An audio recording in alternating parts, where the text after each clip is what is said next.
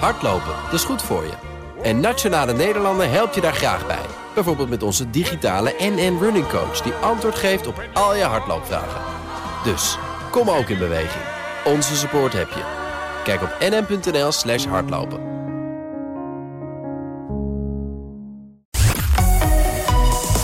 BNR Nieuwsradio. De Ochtendspits. Bas van Werven. Goedemorgen, 6 over half 7. Het is woensdag 13 oktober 2021. We zijn er weer, Iwan. Ja, fijn dat je bent. Goedemorgen. Ja, dat is, Ja. eh, geldt uh, wederzijds. Fijn dat je er ja. Ja. Nee, ja, ik was vorige week twee dagjes ziek. Ja. En jij dacht, ik neem wraak door deze week even twee dagen ziek te zijn. Nee, fijn. Ja, is hoop voor ons consumenten, Iwan, want er nog altijd extreem hoge gas- en stroomprijzen. Die zijn wat minder extreem aan het worden, schrijft de Telegraaf. Het daalt. Actuele grafiek van de gasprijs is op de toonaangevende Amsterdamse ICE gasbeurs sinds midden vorige week aan een daling bezig. En inmiddels dus is hij op ruim 80 euro per megawattuur beland. En denk je, nou, dat is best veel. Maar dat is inderdaad zo. Nog altijd vier keer het bedrag van afgelopen voorjaar. Maar wel ruim onder de piek van vorige week. Want toen werd een record van 161 euro neergezet. Dubbele van nu. Daarna gaf onder meer Rusland aan meer gas te willen leveren aan Europa. Hè, dat weten we, bij prijsvergelijkers als gaslicht.com, Pricewise. En bij de Consumentenbond zijn de tarieven voor overstappers inmiddels minder pittig dan vorige week. En toch pleiten ze bij de Consumentenbond en Gaslicht.com ervoor even de kat uit de boom te kijken. Sander de Jong van Gaslicht.com zegt dat leveranciers zich nog beraden, waardoor het aanbod beperkt is. Ja, dan is er ook eh, negatief nieuws... waar je dan misschien wat gaat besparen op je gas- en stroomprijs. Ga je weer meer uitgeven aan de boodschappen in de Ja, supermarkt. au. Je hebt het misschien al doorgehad bij de kassa. Boodschappen zijn tijdens de eerste negen maanden van dit jaar... flink duurder geworden. En vooral frisdrank, bier, conserven, verzorgingsproducten... en schoonmaakartikelen stegen fors in prijs... schrijft het Algemeen Dagblad vanochtend. En die stijging die, eh, blijkt ook uit een inventarisatie van GFK... de marktonderzoeker. En zij eh, analyseren dagelijkse boodschappen in de Nederlandse supermarkten. De hogere prijzen zijn volgens Koos Gardebroek... die is landbouweconoom bij de Wageningen Universiteit... vooral het gevolg van een geëxplodeerde vraag naar landbouwproducten. Volgens hem is het aanbod stabiel gebleven... maar is de vraag enorm gestegen. En een regel, basisregel uit de economie is dat dan de prijs omhoog gaan. En ook is te zien dat de economie in veel landen razendsnel is aangetrokken... na de coronacrisis. Voedselvoorraden worden weer aangevuld. De vraag naar veevoer stijgt en biobrandstoffen zijn eh, interessant... bij hoge brandstofprijzen. Volgens die Gardebroek kunnen we een parallel trekken... met de huidige eh, huizen- en energiemarkt. Hij zegt in de krant, ja, de vraag is dus ontzettend groot... maar je tovert niet in één keer duizend nieuwe woningen... of energie ergens vandaan. En dat geldt dus ook voor belangrijke basisgrondstoffen... voor eten en drinken. Ja, Volgens de woord. econoom zijn eh, de boodschappen de komende maanden zullen ze nog verder in prijs stijgen. Ook is de verwachting dat kleding duurder wordt, door- doordat, doordat de katoenprijs op de internationale markten is gestegen tot het hoogste niveau in 10 jaar. Dus u gaat aan alle kanten meer betalen. Vol. Ja, Ja, vol. ja precies. Geen katoen, wol. Wol. Het wordt al winter, wol, wol. Het huidige beleid vergroot de kloof tussen sociale huur en woningbezit. En daardoor komen steeds meer mensen eigenlijk een beetje tussen wal en schip terecht... en verdienen te veel om in de sociale sector een eh, woning te huren... maar ze hebben niet genoeg geld om zelf een woning te kopen. Blijkt uit onderzoek van vastgoedadviseur Colliers. Bij ons Frank Verwoerd, hoofdresearch bij Colliers. Goedemorgen. Goedemorgen. Hoe groot is die groep? Is dat een beetje te zeggen? En oh, wat voor soort mensen zijn dit? Nou, het, het exacte cijfer. Dat is niet zo makkelijk te zeggen, maar wij schatten in dat het zo'n beetje om 200.000 huishoudens gaat. En dat zijn met name jonge mensen die, eh, die eh, ja, aan het begin van hun carrière staan. Ja, en mensen die twee verdiener zijn waarschijnlijk, hè? geen kinderen hebben. Ja, exact. Ja. exact. Nou speelt dit, begrijp ik Frank, in 200 gemeentes. Terwijl dat in eh, een jaar of zes geleden 13 gemeentes waren waar dit voorkwam. Is dit, is dit te wijten aan, Ja. aan het beleid van, van de overheid, de gemeentelijke overheden? Ja, op meerdere vlakken. Eh, we hebben in het verleden hebben we eh, gezegd... de sociale sector moet terug naar zijn kerntaken. Dus eh, we moeten gaan toewijzen aan lage inkomens. Wat we in het verleden niet deden. Vervolgens hebben we destijds de leencapaciteit sterk teruggebracht... in de, de vorige crisis. Eh, en dat heeft ervoor gezorgd dat de bouwproductie echt fors naar beneden is gegaan. Tegelijkertijd zien we nu dat het overheidsbeleid heel erg gestoeld is op de leencapaciteit weer te verruimen. Met name voor starters, overdasbelasting afschaffen, et cetera, et cetera. Ja, wat eigenlijk olie op het vuur is voor de woningprijzen. Terwijl eigenlijk die, eh, die inkomensgrens voor de sociale huur blijft hetzelfde. Dus je ziet dat dat gat tussen de maximale hypotheek die zij kunnen lenen en een, ja, een, een beetje fatsoenlijke starterswoning, de prijs daarvan uh, telkens verder toeneemt. En het gat daar dus ook dus, uh, door toeneemt. Precies, dus blijven ze in dat gat zitten. Wat, wat, wat, wat moeten die mensen nog? Die moeten dan in de vrije sector gaan huren. In de vrije sector. En daar is niks te doen. Ja, en dat, ja, dat kost is... het klauwen geld. Nou ja, dat is het lastige. Kijk, ze, hebben eigenlijk een, een, beleid gevormd wat, wat ervoor zorgt dat veel mensen naar die vrije sector moeten. Uh, maar er is niet zo'n hele grote vrije sector in Nederland. En dat maakt het dat het natuurlijk gaat schuren. Uh, en zeker in de grote steden waar die, waar de situatie het grootst is. Ja. Nou hebben we die discussie gehad over de verhuurdersheffing... in de algemene politieke beschouwing. Uh, waarbij gezegd werd door woningcorporaties... die moeten die heffing betalen nu. Hè. Een soort belasting op het feit dat ze vastgoed hebben. Die wordt ten dele afgeschaft. Daardoor kan er wat leniging komen op de huizenmarkt. Kunnen wat huizen gebouwd worden. Gaat dat op korte termijn deze groep helpen?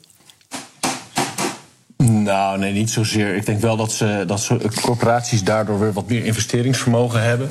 Uh, en daardoor ze wat meer kunnen bouwen. Maar dit gaat het, uh, is een druppel op een gloeiende plaat in die zin. Wat gaat wel helpen? Uh, nou, ik denk dat we echt wat meer naar grootschalige hervormingen moeten gaan kijken. Op korte termijn gaat daar ook niet zo heel veel in helpen. Uh, de open deur is natuurlijk bouwen, bouwen, bouwen. Ja. Maar ik denk dat we vooral moeten gaan nadenken over uh, vraagremmende factoren op in eerste instantie de koopwoningmarkt. En dan denk je inderdaad aan het afschaffen van de jubelton, die destijds is ingevoerd. afschaffen van de hypotheekrenteaftrek, verlaging van de loan-to-value. wat je dus kan lenen ten opzichte van een waarde. Ja. Uh, maar dat wel stapsgewijs. Want als je dat te snel en te rigoureus doet, ja, dan uh, zorgt dat automatisch eigenlijk weer voor een verlaging van je bouwproductie. Uh, en dan wordt het, wordt het alleen nog maar probleem. Alleen maar erger, precies. Dus bezint eer begint.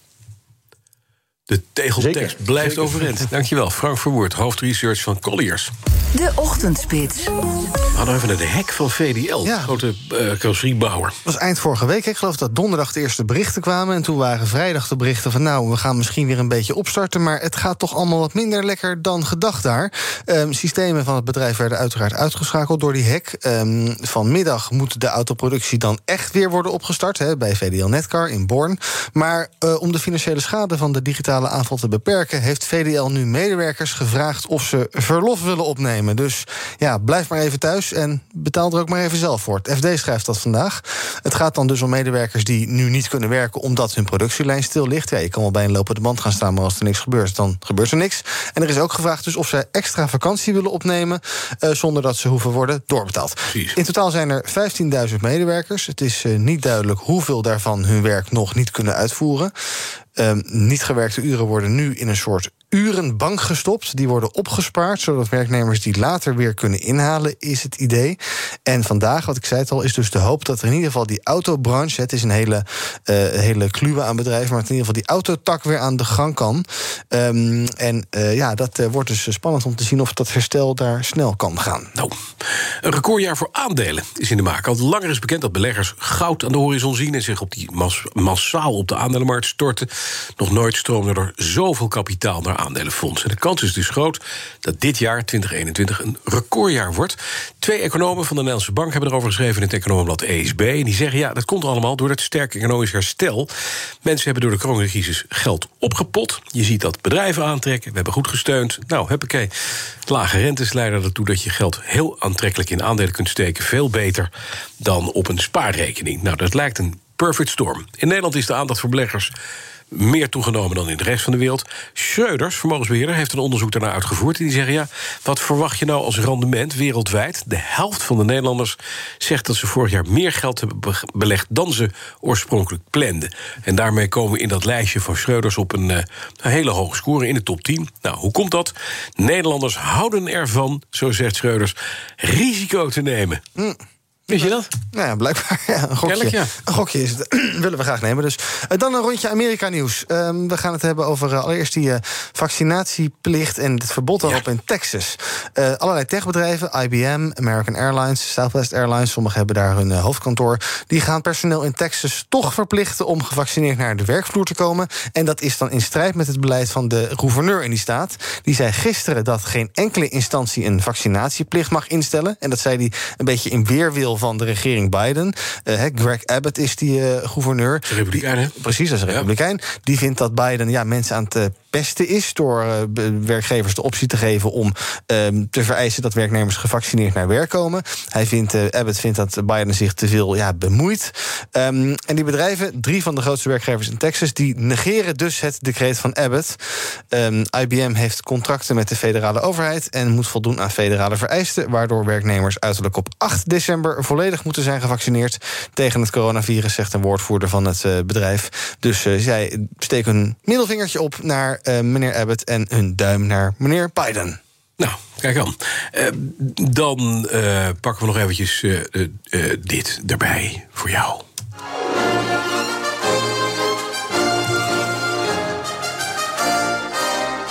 Ja, lang verwacht en toch gekomen, hè? Ja. Nu echt. De tune van Star Trek, Ja. hè? Ja, zeker. Want de raket van oud-Amazon-topman Jeff Bezos gaat de ruimte in vandaag... met aan boord de enige echte Captain Kirk... William Shatner. Blue Origin kondigde die vlucht van NS-18 een week geleden aan in een speciale boodschap. Four new space tourists are set to experience the joys of weightlessness aboard the New Shepard rocket. One of them is William Shatner, who starred as Captain Kirk in the original Star Trek series. The 90 year old Canadian will be the oldest person to go into space. His fellow travelers are Chris Bohausen, a former NASA engineer, Glenn DeVries, an entrepreneur, and Audrey Powers, vice president of Jeff Bezos' company Blue Origin. Ja, je hoort al even wat namen voorbij. Bo heet gewoon Boshuizen, Chris Boshuizen en Glenn de Vries. Twee, ja, toch wel met, Nederlandse origine aan moet boord. wel, ja. Met de Canadees William Shatner. Nou, Rob van den Berg is sterrenwacht bij, of uh, sorry, is uh, van Sterrenwacht Zonneborg in Utrecht. Rob van der Weeromstuit kondig je verkeerd aan. Maar bij deze, goedemorgen. Ja. Uh, goedemorgen Bas, helemaal goed. een, een ruimtevlucht met Captain Kirk. Dat is nogal wat, hè? Die man is nooit in de ruimte geweest, alleen in de televisiestudio. Ja, inderdaad. En, uh, en nu voor het eerst dus echt in de ruimte. Um, ja, niet helemaal hetzelfde als in de serie natuurlijk... waarin hij naar de andere kant van de melkweg wijst. Nu ja. maakt hij een sprongetje, maar wel echt in de ruimte. Ja, en 90 jaar oud, Rob, is dat handig? Ja, het, um, er werd wel eens gezegd uh, op internet van het zou een, een mooi zeemansgraf zijn als hij het niet overleeft daar. Ja. Maar dat zou slechte reclame zijn nou. voor Jeff Bezos natuurlijk. Dus uh, ja. we gaan ervan uit dat hij in goede gezondheid is en het kan overleven. Ja, hij is getest en gedaan, dus dat is wel mooi. Maar ik zag hem even, er was een mooie foto van Blue Origin gemaakt... waarin je dus de vier astronauten ziet. Die Audrey Powers, die, die vicepresident van het bedrijf van Bezos... in een strak pak, die twee mannen... De Vries en Boshuizen in een strak pak. En William Shatner met zijn 90, een lekkere potbelly. Die man heeft goed van het leven genoten. In een iets te strak pak. ja, precies. En moet hij alleen proberen te overleven, deze vlucht? Of, uh, uh, ja, of staat hij. Uh... Ja. Kijk, je, je, bent natuurlijk niet heel lang in de ruimte. Nee. Dus de straling is geen gevaar. Uh, waar die vooral mee te maken zal krijgen, dat zijn uh, een paar G-krachten met, uh, met de lancering. Ja. En een paar minuten gewichtloosheid tijdens de terugkeer. Um, ja, daar zal hij op getest zijn. Hij heeft wel gezegd dat hij ontzettend zenuwachtig is en dat hij het heel spannend vindt, maar ja. dat hij dat eigenlijk ook niet kwijt wil, want hij is natuurlijk wel Captain Kirk. Dat is waar, ja. Je kan niet zomaar, niet zomaar nee zeggen. Toch wel mooi dat hij, dat hij dit doet. Spok niet mee en, en uh, Scott die gaat ook niet mee, maar hij dan alleen. Maar wel Chris Boshuizen en Glenn de Vries. Klinkt heel Nederlands, maar zijn ze dat ook? Ja, nee, ik, uh, ik zag die namen. Ik dacht, die moet ik even googlen. Ja, maar uh, ja. Chris Boshuizen, die, die is in Australië geboren. Ja. Glenn de Vries in de VS. Dus uh, het, het zijn geen Nederlanders. Maar ergens in, in, bij hun voorouders hebben vast wel Nederlanders gezeten. Inderdaad. Dat zit er, dat zit er dik in. Ze gaan dus heel eventjes de ruimte in, hè, met die, met die raket van Bezos. Hoe, hoe hoog komen ze? Zijn ze nou officieel, want volgens mij is dat bij zijn vluchten wel... word je echt astronaut, hè, omdat je echt buiten de stratosfeer komt? Ja, bij Virgin Galactic was dat inderdaad niet. Die, nee. die hanteren een andere definitie. Het, het is een definitiekwestie. Ja. En de internationaal uh, geaccepteerde definitie, dat is de zogenaamde Karman-lijn. Die zit op 100 kilometer. Mm -hmm. En als je daar boven komt, dan ben je uh, volgens de meeste landen in de wereld officieel in de ruimte geweest. En zij uh, gaan dus net boven die 100 kilometer. Ja, dat is wel mooi. Geen space warp onderweg, helaas, naar de andere kant van het nee, heelal. Geen, uh, geen warp 9. En, uh, nee, maar, maar beam me up, Scotty. Nou, we gaan het zien. Hoe laat wordt hij uh, opgebeamd vandaag? Ja, dat is tien uur lokale tijd, dus dat is uh, vier uur Nederlandse tijd. Vier en het is allemaal live te zien op internet. Ach, wat leuk. Nou, dan gaan we kijken of we... En dan, half uurtje later weer terug? Een beetje, Ja, tien minuten. Het is tien minuten, tien minuten de hele vlucht. Ja. Zou die ervoor betalen, denk je, Rob? Uh, ik denk het niet. Nee, want staat overal heel duidelijk dat die twee met de Nederlandse namen dat die betalen. Ongeveer uh, 2,5 ton. Uh -huh. uh, ik, hij is gevraagd. Dit, uh, dit is de reclamekosten meer dan waard natuurlijk. Ja, ja. Ik, zag, ik zag een filmpje, werd geïnterviewd door Anderson Cooper van, van CNN. En die zei, wat ga je nou doen? Want de vorige vlucht die we gezien hebben, die eerste vlucht... Hè, daar waren allemaal mensen met, hè, omdat het gewichtloos was... eventjes met balletjes aan het gooien en glazen water... die dan veranderen in een balletje. Hij zei: Nee, ik ga met mijn neus gewoon echt op de ruit zitten. En kijken hoe, dat, hoe het er aan de buitenkant ja, uitziet. Van hij, hij wil het nu echt zien, natuurlijk. Tuurlijk, uh, wat hij altijd in de filmstudio heeft gezien. Hij heeft ja. wel gezegd dat hij zijn telefoon niet mee kan nemen. Nee? Maar dat hij uh, voor een kleine verrassing gaat zorgen uh, tijdens die vlucht. Nou, ik wed dat hij zo'n communicator meeneemt. Die altijd in die serie ah. ziet en die, die dan openklapt. Ja, dus laten we zien. Dat is mooi, ja. En dan ineens verdwijnt. We gaan het zien vanmiddag. Uh, Rob van den Berg, dankjewel van Sterrenwacht Zonneborg. BNR Nieuwsradio. De Ochtendspits. Ja, dan uh, even in het kantoverzicht hoorde het al kort. Een spraakmakende rechtszaak vandaag in Vlaanderen gaat daar zeker het nieuws beheersen. Want minstens 13 vrouwen, uh, meestal uh, actrices, beschuldigen tv-persoonlijkheid Bart de Pauw daarvan allerlei MeToo-taferelen. Die zaak die kwam een jaar of vier geleden aan het licht. En de Pauw maakte destijds zelf bekend wat er aan de hand was. Uh, deze week heeft de VRT-directie uh, mij te kennen gegeven uh, dat zij de samenwerking na 30 jaar met mij onmiddellijk stopzetten. de enige reden die ze daarvoor geven is dat er in de nasleep van de MeToo-hashtag een aantal anonieme meldingen zijn binnengelopen rond mijn persoon omtrent mijn gedrag. Ja, het zou uh, in eerste instantie gaan om twee Vlaamse actrices... die naar een vertrouwenspersoon waren gestapt bij de VRT... met het verhaal dat ze maandenlang door de pauw waren gestalkt. Met honderden berichten, vaak seksueel getint. Um, en dan is er volgens de Belgische wet geen aangifte nodig... om dit soort stalkingszaken te onderzoeken. En dus deed de politie een huiszoeking bij de VRT. Ze hebben ook de pauws telefoon afgeluisterd. Meer dan 80 mensen bij de omroep, omroep ondervraagd. Uiteindelijk hebben meer mensen zich gemeld dus. Uh, 13 vrouwen in totaal.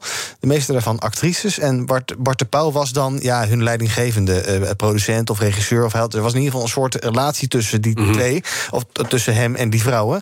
Um, toen hij die berichten stuurde. Of toen hij ze benaderd heeft. De tv-persoonlijkheid hangt maximaal twee jaar cel boven het hoofd. En ja. hij werd dus al uh, vier jaar geleden op een non-actief gesteld. en vertelde, nu, precies. En nu gaat het dus uh, inderdaad voor de rechtbank spelen ook. Ja, en waar kennen wij hem van? Want het is een man die best bekend is ook in nou, Nederland. Waar kennen wij hem van? Nou, we hebben dat programma Schalkse Ruiters. Mm -hmm. Ik heb dat jaren geleden gemaakt in de Nederlandse versie. Ja, er zijn nog beelden van. Er zijn nog beelden van. Bart en Tom, Tom Leenaars en Bart de Pauw... waren de twee bedenkers en makers in België. Dit was er een heel groot ding. En dat waren twee, ik heb ze zelfs ontmoet. Uh, aardige, aardige man, die Bart de Pauw ook. Ja. Maar ja, dat zegt niks. En uh, nu dus uh, vandaag groot nieuws in België in een MeToo-affaire. Dan een beetje een ranzig verhaal. Als je nog aan de havermelk moet vanmorgen in je koffie... toch even kijken of het allemaal klopt als hij van de Lidl is. Want de Schotse TikToker Luna... Nou, die heeft ervoor gezorgd dat Lidl al zijn havermelk... van een bepaalde batch teruggeroepen heeft. Ze kocht een pak havermelk en merkte dat het een beetje gek rook. En ook dat het klonterig was. Ze besloot er een video over te maken om zo de Lidl te bereiken. I've been at war with Lidl. And it's not really a war because Lidl, you know, are a massive company, so they'll always win. But I'm going to rant on here because I'm really frustrated. I only drink oat milk. I can't really drink milk. It doesn't really agree with me. Same with many people. The shop where I live, and it might be the same with other people, is selling lumpy oat milk. It's not just lumpy, it's like really sour. Lumpy oat milk. Dus inderdaad een beetje zuurig en met brokken. Mm. Ze heeft een video gemaakt en dan laat ze, stroomt, laat ze zo'n pak leegstromen. Ze had voor 11 pond had ze die meuk gekocht. Zo. En je ziet dus inderdaad klonten. Dan stopt ze het in de blender om te laten zien dat de klonten niet weggaan... als je de melk goed schudt. Nou, mm. De houdbaarheid die staat gewoon op 2022. Veel gebeld met Lidl, geen reactie. Uiteindelijk heeft Lidl er 50 pond aan te goedbonnen gegeven... maar wilde de melk niet terugroepen. Want, zegt Lidl, er is geen gezondheidsrisico. En toen dacht Luna, wacht even, dit is gewoon niet goed voor je. Ze heeft de lokale gezondheidsdienst ingeschakeld. En nu wordt Oatsmilk Lidl teruggeroepen in het hele VK. You will never guess what you guys have managed to do. One little employee gave me permission to share this with you, and I am super excited. This document shows that all Little Oat milk in the UK, up to the date, stated on the letter, has to be recalled. Zo. Dus geen havermelk te krijgen meer bij Lidl. Ik geloof dat Lidl heeft gegeven dat ze binnenkort weer verse havermelk gaan aanbieden. Precies, zonder Ja, klonten. zonder Nou, klonten. dat is fijn. Maar dit is dus een TikToker gelukt om zo eh, te influencen. Precies. Mooi, hè? Nog even tijd voor eh El Capone. Ik weet het niet. Je weet het, er was Ja? een veiling afgelopen weekend... Hè, van de, de meest beruchte Oh Amerikaanse gangster aller tijden. Een, een, zijn spullen althans. Vuurwapens, persoonlijke foto's, sieraden, meubels. Die kwamen op de markt omdat zijn drie overgebleven kleindochters... er wel eens vanaf wilden. Die hielden de spullen sinds de dood van Capone in 1947 bij zich. Maar ze werden een beetje oud om er goed voor te zorgen, zeiden ze. En bovendien vonden ze ook eng de toenemende dreiging van bosbranden... voor hun huis in Californië is een factor geweest om nu te verkopen. Nou, wat heeft hij opgebracht? 3 miljoen dollar. Kijk. Meest populaire item, het favoriete wapen van El Capone. Dat ging voor 860.000 dollar van de hand. En daarmee is dat wapen het duurste 20e eeuwse vuurwapen ooit op een veiling verkocht.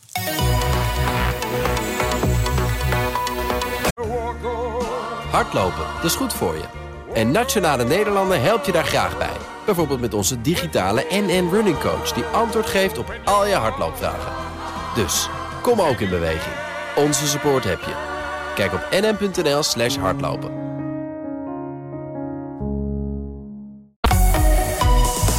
BNR Nieuwsradio.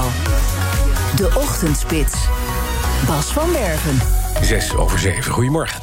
Iwan, Goedemorgen Bas. fijn dat je erbij bent. Ja, fijn dat jij er weer bent. Ja, dat klopt. Ik vind het ook fijn dat ik er weer ben. Ja, was een beetje grieperig. Ja, griepje. Ja, dat kan gebeuren. geldt hebben, hebben heel, veel mensen last het van. en Nou, aan het eh, niezen en proesten. Ik hoorde als je het eenmaal zelf dan even een griepje hebt... dan hoor je van, oh, maar je bent niet de enige. Want Nee, die, het en die, en die en die. Maar het is hebben hier ook een halve redactie. Ik wou net zeggen, het is echt een zakdoekjes eh, Zeker. verzameling hier. Ja. Het komt allemaal omdat we alle kuchschermpjes kwijt zijn en weer handig hebben. Ja, en je ziet elkaar weer eens een keer. En je gaat weer een keer een uitje doen. En eh, ja, dat, zo gaat dat. Ja, dat is, moet er even doorheen waarschijnlijk. We gaan het over 50-plussers hebben. Jouw Nee, daar ben favo- jij. favoriete onderwerp. Ja, want dat zit naast Ondanks dat het in veel sectoren de spuigaten uitloopt... met personeelstekorten, nemen werkgevers structureel te weinig 50-plussers aan.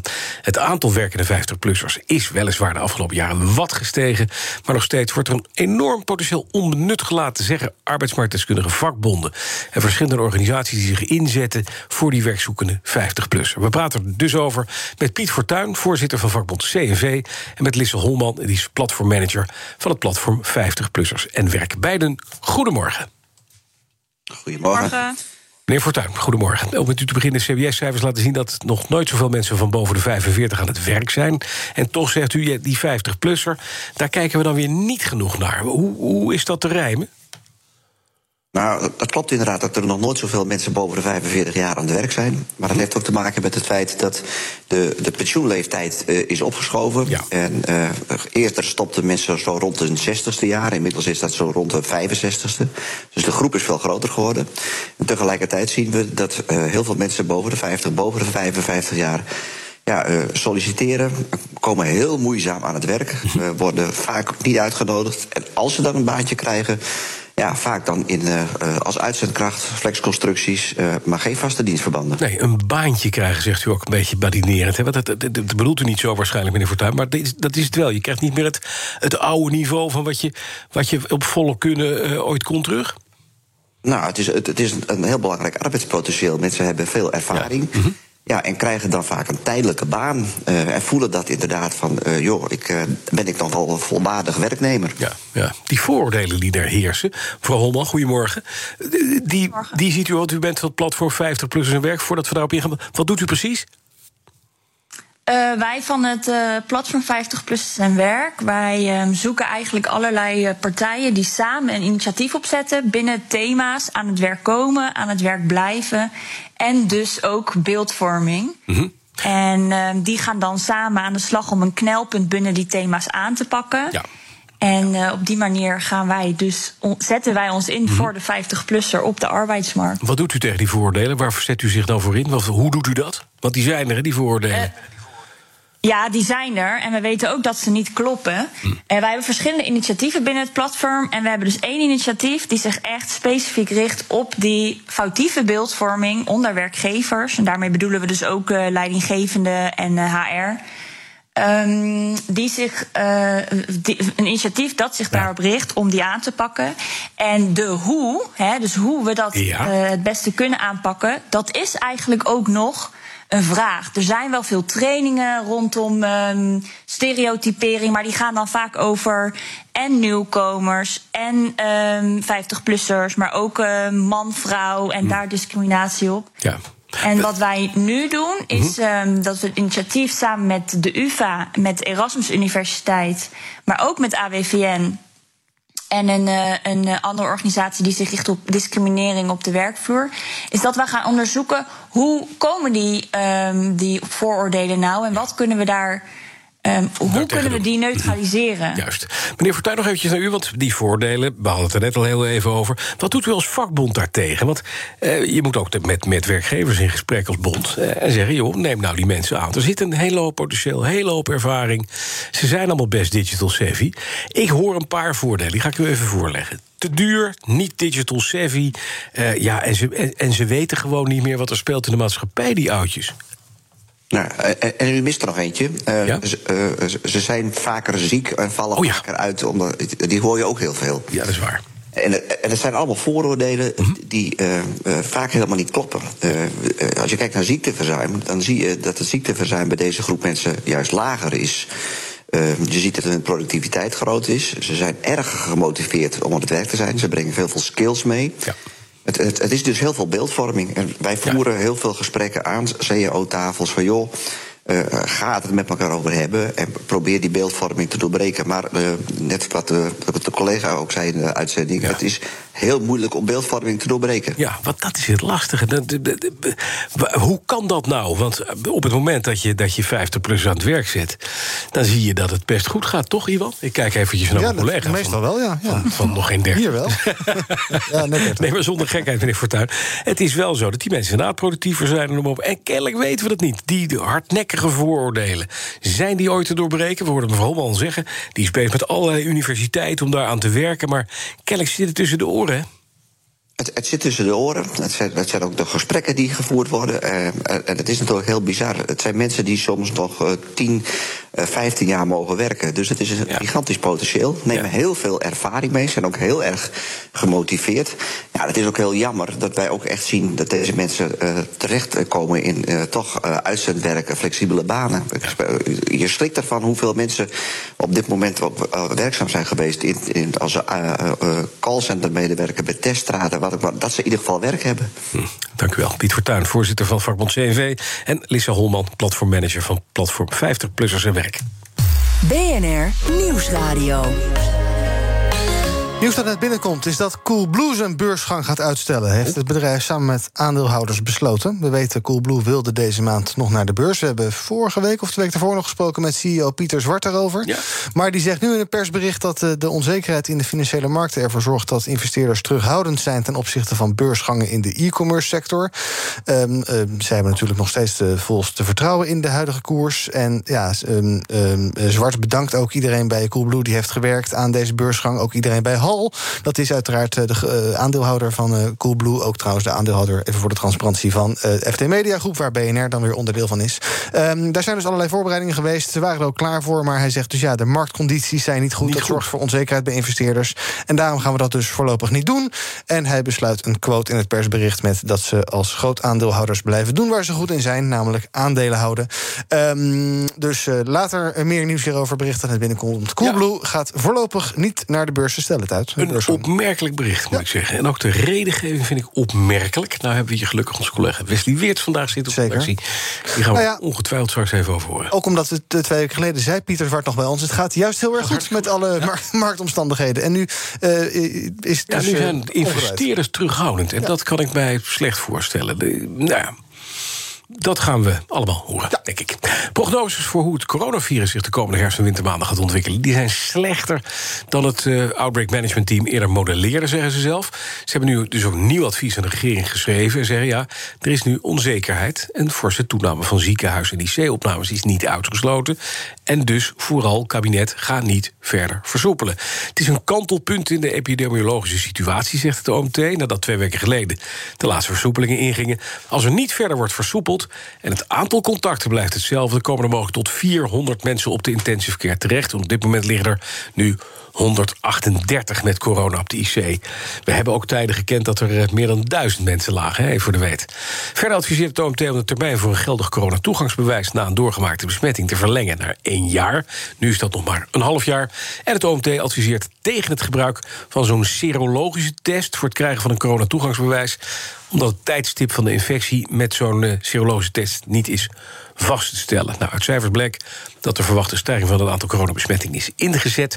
Afgelopen zeven dagen zagen we het aantal besmettingen met 48% stijgen ten opzichte van de week daarvoor. Inmiddels hebben we een erg getal van 1,12 geloof ik. Zoiets, ja. Uh, moet nog even naar Hugo de Jonge, de, de ja, moet nog even naar Hugo de Jonge, ja, denk je. Die zegt uh, gisteravond bij Op1, en daar gaan we het zo meteen ook over hebben... dat uh, ja, als je naar de coronamaatregelen kijkt... welke moet als eerste afgeschaald worden... dat zijn de maatregelen die economisch belemmerend zijn... die moeten eerder worden afgeschaald dan de, bijvoorbeeld dat coronatoegangsbewijs. De eerste waar je hoopt dat je ervan af kunt... is die 75 procent. In, in, ja, eerder dan de coronapas? Ja, en, en, en de nachtsluiting, dat, dat is waar je eerder dus tot 12 uur, hè? die mag dan weer door. Als, exact. Als die, ja. Dat zijn ook echt economisch belemmerende maatregelen. Die coronapas is hooguit vervelend. Ja, nou, zometeen gaan we uh, vragen aan Robert Willemsen van Koninklijke Horeca Nederland. Hoe zij daar nou naar kijken? Ja, maar eerst naar Bianca Damik. Er is niet zoveel aan de hand onderweg. Alleen op de A4 is nu een ongeluk gebeurd bij Zoeterwoude Rijndijk richting Amsterdam. Het kost je een kleine 10 minuten extra en de linkerrijstrook is dicht. Flitsmeister meldt een flitser op de A20 van Hoek van Holland naar Gouda bij hectometerpaal 45,2. Ja, dat was Bianca Damik. Het orkest dacht, we gaan even koffie halen. Dan doet zij de files. Lekker rustig. Ja, zoals gezegd, inderdaad, minister Hugo de Jonge zegt... ja, voorlopig gaan we nog niks, niks afschalen. Coronamaatregelen blijven zoals ze zijn. Dat adviseert het Outbreak Management Team ook aan het kabinet. Volgens het OMT is dus een grote mate van onzekerheid. Ik haal het nog eventjes, hè, omdat er een forse toename wordt verwacht... van het aantal ziekenhuizen en IC-opnames. En dat is een domper voor onder meer de cultuursector en de horeca. En bij ons dus de voorzitter van Koninklijke Horeca Nederland, Robert Willemsen. Meneer Willemsen, goedemorgen. Goedemorgen. Ja, weer geen nieuwe versoepelingen. Ik, ik tref u altijd s morgens. Dit is toch weer een dag dat het chagrijn toeslaat, neem ik aan. Ja, terwijl ik toch niet de man ben van het ochtendhumeur, normaal gesproken. nee, precies. Uh, maar het is een, vooral teleurstellend ook. Kijk, als het OMT-advies leest, dan is er, uh, ondanks het verzoek van burgemeesters, uh, politiebond, BOA-bond en ons, geen eens gevraagd expliciet naar het loslaten van die 12 uur tijd. Hm. En die is toch wel heel uh, relevant. Uh, en daar is gewoon geen onderbouwing dat dat zou leiden tot, uh, tot extra besmettingen. Dus ja, dat is gewoon echt teleurstellend. Ja, wat, wat, wat gaat u doen nu? Nou ja, wij gaan natuurlijk weer in gesprek, zoals altijd. En we, we, proberen ook met burgemeesters, politie, BOA-bond om iedereen tot redelijkheid uh, te krijgen. Want uh, het is natuurlijk niet zo dat wij alleen maar opstandig willen zijn. Maar er is gewoon al, ook wederom, moet ik zeggen, geen onderbouwing voor de maatregelen die, die ons treffen. Uh, dus ja, de, daar gaan we toch weer mee aan de slag. Ja, toch, een deel van de horecasector doet gewoon niet mee aan die coronatoegangsbewijzen. Is dat dan niet iets waar u veel meer op moet inzetten? Dat je de rijen gesloten houdt? Die zegt, jongens, we zijn met z'n allen, hebben hetzelfde, zitten in hetzelfde schuitje, hetzelfde laag in een pak. Kom op, doe nou mee, anders heb je een slechte onderhandelingspositie. Ik kan me voorstellen dat u daar niet blij van wordt. Nou ja, dit was natuurlijk, dat was natuurlijk de emotie uh, en, en, het gevoel voordat we gingen starten met de CTB. Ik heb daar verder geen onderzoek naar gedaan, maar ik begrijp van alle burgemeesters, uh, BOA's, et cetera, dat men tevreden is over het verloop van uh, het gebruik van die CTB. we zien een nauwelijks stijging in de besmettingen in, in horeca. We staan in het staartje zo rond de 3 procent. Terwijl de thuissituatie en thuisfeestjes opgeteld zo rond de 70 zitten. Uh, dus ja, ik denk echt dat men uh, sneller moet overwegen om die 12 uur los te laten. Ja, en toch, het kabinet wil maar niet luisteren. Of het OMT. Hoe kan dat nou? Nee, nou ja, Ja, nou goed, kijk, eh, het kabinet laat, laat zijn oren erg hangen naar het OMT. Is misschien soms ook wel uh, uh, makkelijk. Kijk, en en hoe ver men weer van ons afstaat. Ik hoor gisteravond Hugo de Jonge weer een schot voor de boeg geven... en aangeven dat die CTB nauwelijks beperkend of belemmerend is. In Frankrijk heeft het geleid tot 20% minder, minder horeca-omzet. -hmm. Uh, en ik sluit in Nederland ook niet uit dat het eerder omzet kost dan dat het oplevert. Ja. Uh, dus ik snap die opmerking ook weer niet zo goed. En dat onderzoekt u ook op dit moment, neem ik aan? Of dit tot omzetverlaging, nou ja, vermindering leidt? Ja, zeker. Wij, wij gaan komende week weer een uh, enquête houden om te kijken hoe het staat met de maatregelen, maar ook wat dit betekent. De eerste twee weken hadden we natuurlijk ook te maken met veranderende weersomstandigheden. Dus je kan dan niet gelijk zeggen dat al dat omzetverlies te wijten is aan. Uh, maar het zal natuurlijk altijd zo zijn dat dit ten koste gaat van omzet. Het levert geen omzet op. Nee, duidelijk. Dank. Robert Willems is voorzitter van Koninklijke Horeca Nederland. BNR Nieuwsradio.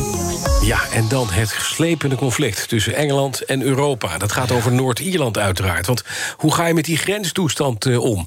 Vandaag komt de EU met een compromis om tot een akkoord te komen... over dat Noord-Iers Brexit-protocol. Ja, volgens de Brexit-overeenkomst moeten alle goederen... die vanuit Groot-Brittannië bij Noord-Ierland de grens oversteken... voldoen aan Regels. En dat betekent dus dat je dat moet controleren in de haven.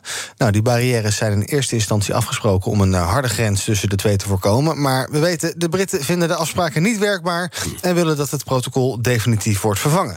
Nou, vorige week deed de EU een uh, flinke concessie... in de hoop op een nieuw akkoord. Maar de Britten zetten de hakken in het zand en vinden het allemaal niet genoeg. Nu heeft uh, Brexit-minister David Frost in een speech gezegd... dat er heel wat aan de huidige regels moet gebeuren om ervoor te zorgen dat Groot-Brittannië daarmee akkoord gaat. We didn't want it to be like this. We just want friendly relations, free trade and the chance to do things our own way, all within the framework of a meaningful and robust Western alliance. With this in mind, I do urge the EU to look at the image that's being presented to us. If there is a trust problem, as we're constantly told there is, it's not the responsibility of only one party.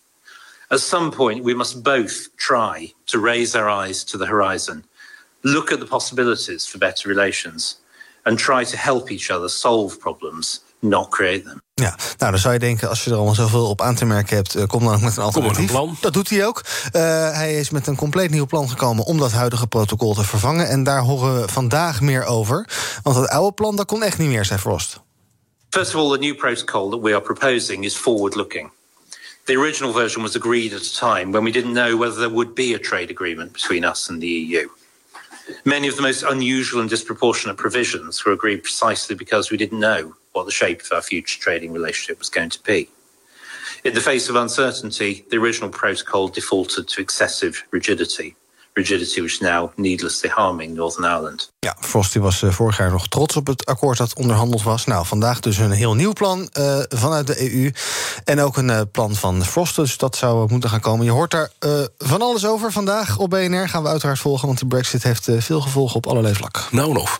En dan nog eventjes naar Nederlands nieuws. Want staatssecretaris Hans Velbrief van Financiën bekrachtigt in Washington... een nieuwe wereldwijde belastingdeal. Zoals we weten, 140 landen stellen een minimale belasting van 15 voor grote multinationals in.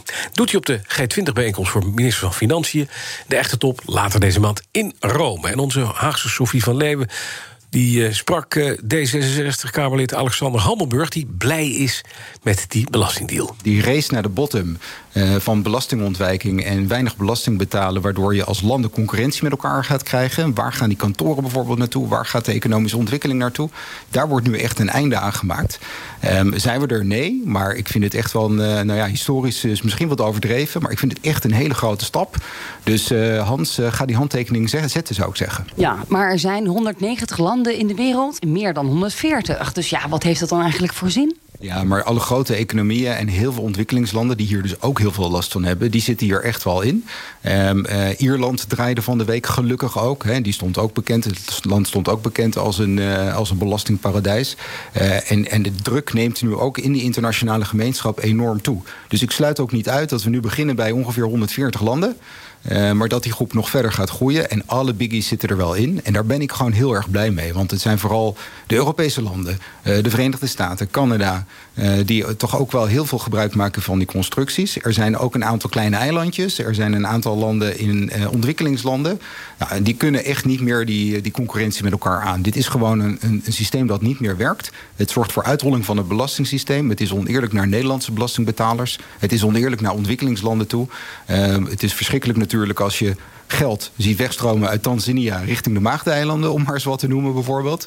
Ja, dat, dat, dat, dat probeer je met dit voorstel toch echt te voorkomen. En dat vind ik grote winst hoor. De grote vraag is natuurlijk, wat gaat dit concreet opleveren dan? Wordt er 15% winstbelasting afgedragen? Of gaat het eigenlijk gewoon door zoals het altijd ging? Nee, ik denk wel dat er, er komt wel echt een verandering. De technische details, dat moet ik ook heel eerlijk zeggen, die moeten nog worden uitgewerkt. Ze komen morgen bijeen en dan gaat het nog naar de top van de G20 eind van deze maand. Maar wat je wel ziet is dat er een, een herverdelingssystematiek komt... waar bijvoorbeeld een land als, als India eh, niet meer heel veel geld naar de Verenigde Staten ziet gaan... dat eigenlijk gewoon eh, verdiend is in, in, in India zelf. Dus het wordt een eerlijker systeem. Wat het voor Nederland precies betekent is nog moeilijk te overzien. Maar ik denk dat alle Nederlanders ook wel een einde willen aan bijvoorbeeld de brievenbusfirma's, schimmige constructies. Wij betalen allemaal netjes onze belasting. Dat doen de ondernemers in Nederland ook. En je wil voorkomen dat de multinationals elke keer weer een foefje vinden eh, om minder belasting af te dragen. Dat kan niet meer. Dat is waar we nu mee bezig zijn. En ja, ik zeg eh, Hans, eh, go for it. Nederland heeft natuurlijk een bloeiende trustsector. Je kunt ook fijn geld parkeren op de Maagdeneilanden. Gaat die sector eraan? Of is dat eigenlijk een illusie? En zullen de trustkantoren, de brievenbussen gewoon blijven op de Zuidas? Ja, het is onvermijdelijk dat ook daar iets gaat gebeuren. En we hebben daar eh, vorige week nog een enorme discussie ook over gehad in de Tweede Kamer. Er zijn een aantal situaties waar je kan bedenken dat zo'n trust echt wel nodig is of heel handig. Maar we hebben geen enkel zicht op hoeveel misbruik ervan wordt gemaakt. Hoeveel belastingontwijkingsconstructies erachter zitten. Maar ook criminele activiteiten. Nou, dat willen we met z'n allen niet. Dus dat die trustsector echt gigantisch op de kop moet. Of totaal radicaal anders.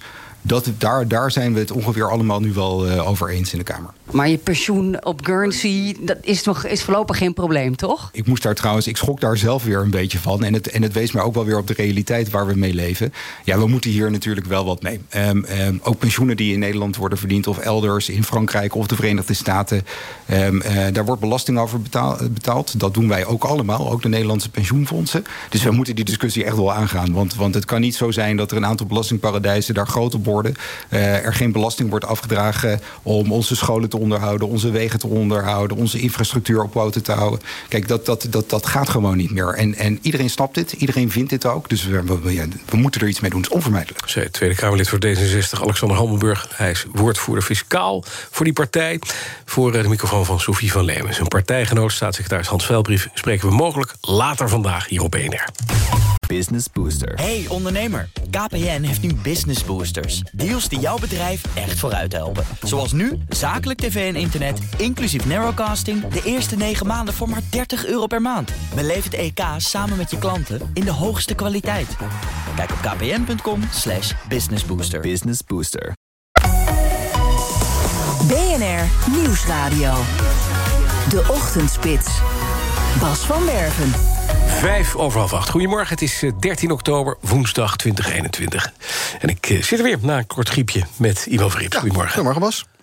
We kunnen voorlopig niet versoepelen, adviseert het Outbreak Management Team aan het kabinet. Volgens de OMT is er een te grote mate van onzekerheid. En kun je verdere toenames van ziekenhuizen en IC-opnames niet uitsluiten. En dus, zegt het OMT, hou die maatregelen voorlopig vast. Arts-microbioloog Mark Bonte legde dat gisteren uit bij onze collega's van in de middag. Het getal van 3500 patiënten die nog op de intensive care uh, terecht zouden kunnen komen... als mm -hmm. iedereen die uh, nog niet beschermd is, uh, ziek gaat worden.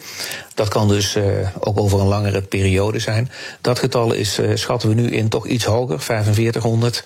Ah. en dat komt omdat we gewoon betere getallen hebben... meer weten over de immuniteit per, per leeftijdscategorie. Dus er is gewoon een, een, een, betrouwbaardere schatting gemaakt van, van die aantallen. En dan komen we nu iets hoger uit. Dus dat betekent dat we ten opzichte van een paar weken of een paar maanden geleden.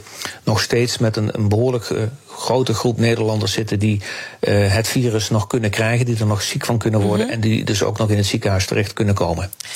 Al dus Mark Bonte, arts-microbioloog. Wij praten verder met Marjolein van Egmond, hoogleraar immunologie van het Amsterdams UMC. Mevrouw van Egmond, goedemorgen. Goedemorgen. Ja, op basis van wat ze nu verklaren, begrijpt u dat advies van het, eh, van het OMT en het kabinet? Uh, ja, zeker. Kijk, je ziet gelukkig zeg maar, zijn de vaccins heel erg goed. En je ziet dat de meeste mensen beschermd zijn. Maar er is nog steeds ook een vrij groot deel van de mensen die zich niet heeft laten vaccineren. Ja. Hè, om verschillende redenen. En je ziet ook, dat zie je natuurlijk met name nu ook op de Bijbelbelt, dat met name in die plekken toch het aantal besmettingen best wel hard weer toeneemt. Hè. Gelukkig in de rest van het land, waar er wel veel gevaccineerd is, daar, daar, ja, daar, daar gaat het nog wel goed. Maar Stabiel, je ziet dat ja. dat gewoon toch heel snel kan. Ja. En ja, dan, dan, dan zullen daar een aantal van die mensen ook weer in het ziekenhuis terecht kunnen komen. En ja, dat is wel echt een probleem. Ja, maar moet je dan niet veel meer op die plekken gaan inzetten? Want we weten, in grote steden blijft het achter, in die Bijbelbelt blijft het achter. Daar wil het niet, daar gaat de circulatie toch hard. Hè. Het zijn ook eh, gebieden waar, eh, waar veel eh, sociale contacten zijn... en waar de kans dat je iemand tegenkomt groter is natuurlijk in grote steden... maar ook in die Bijbelbelt met grote gezinnen, grote families.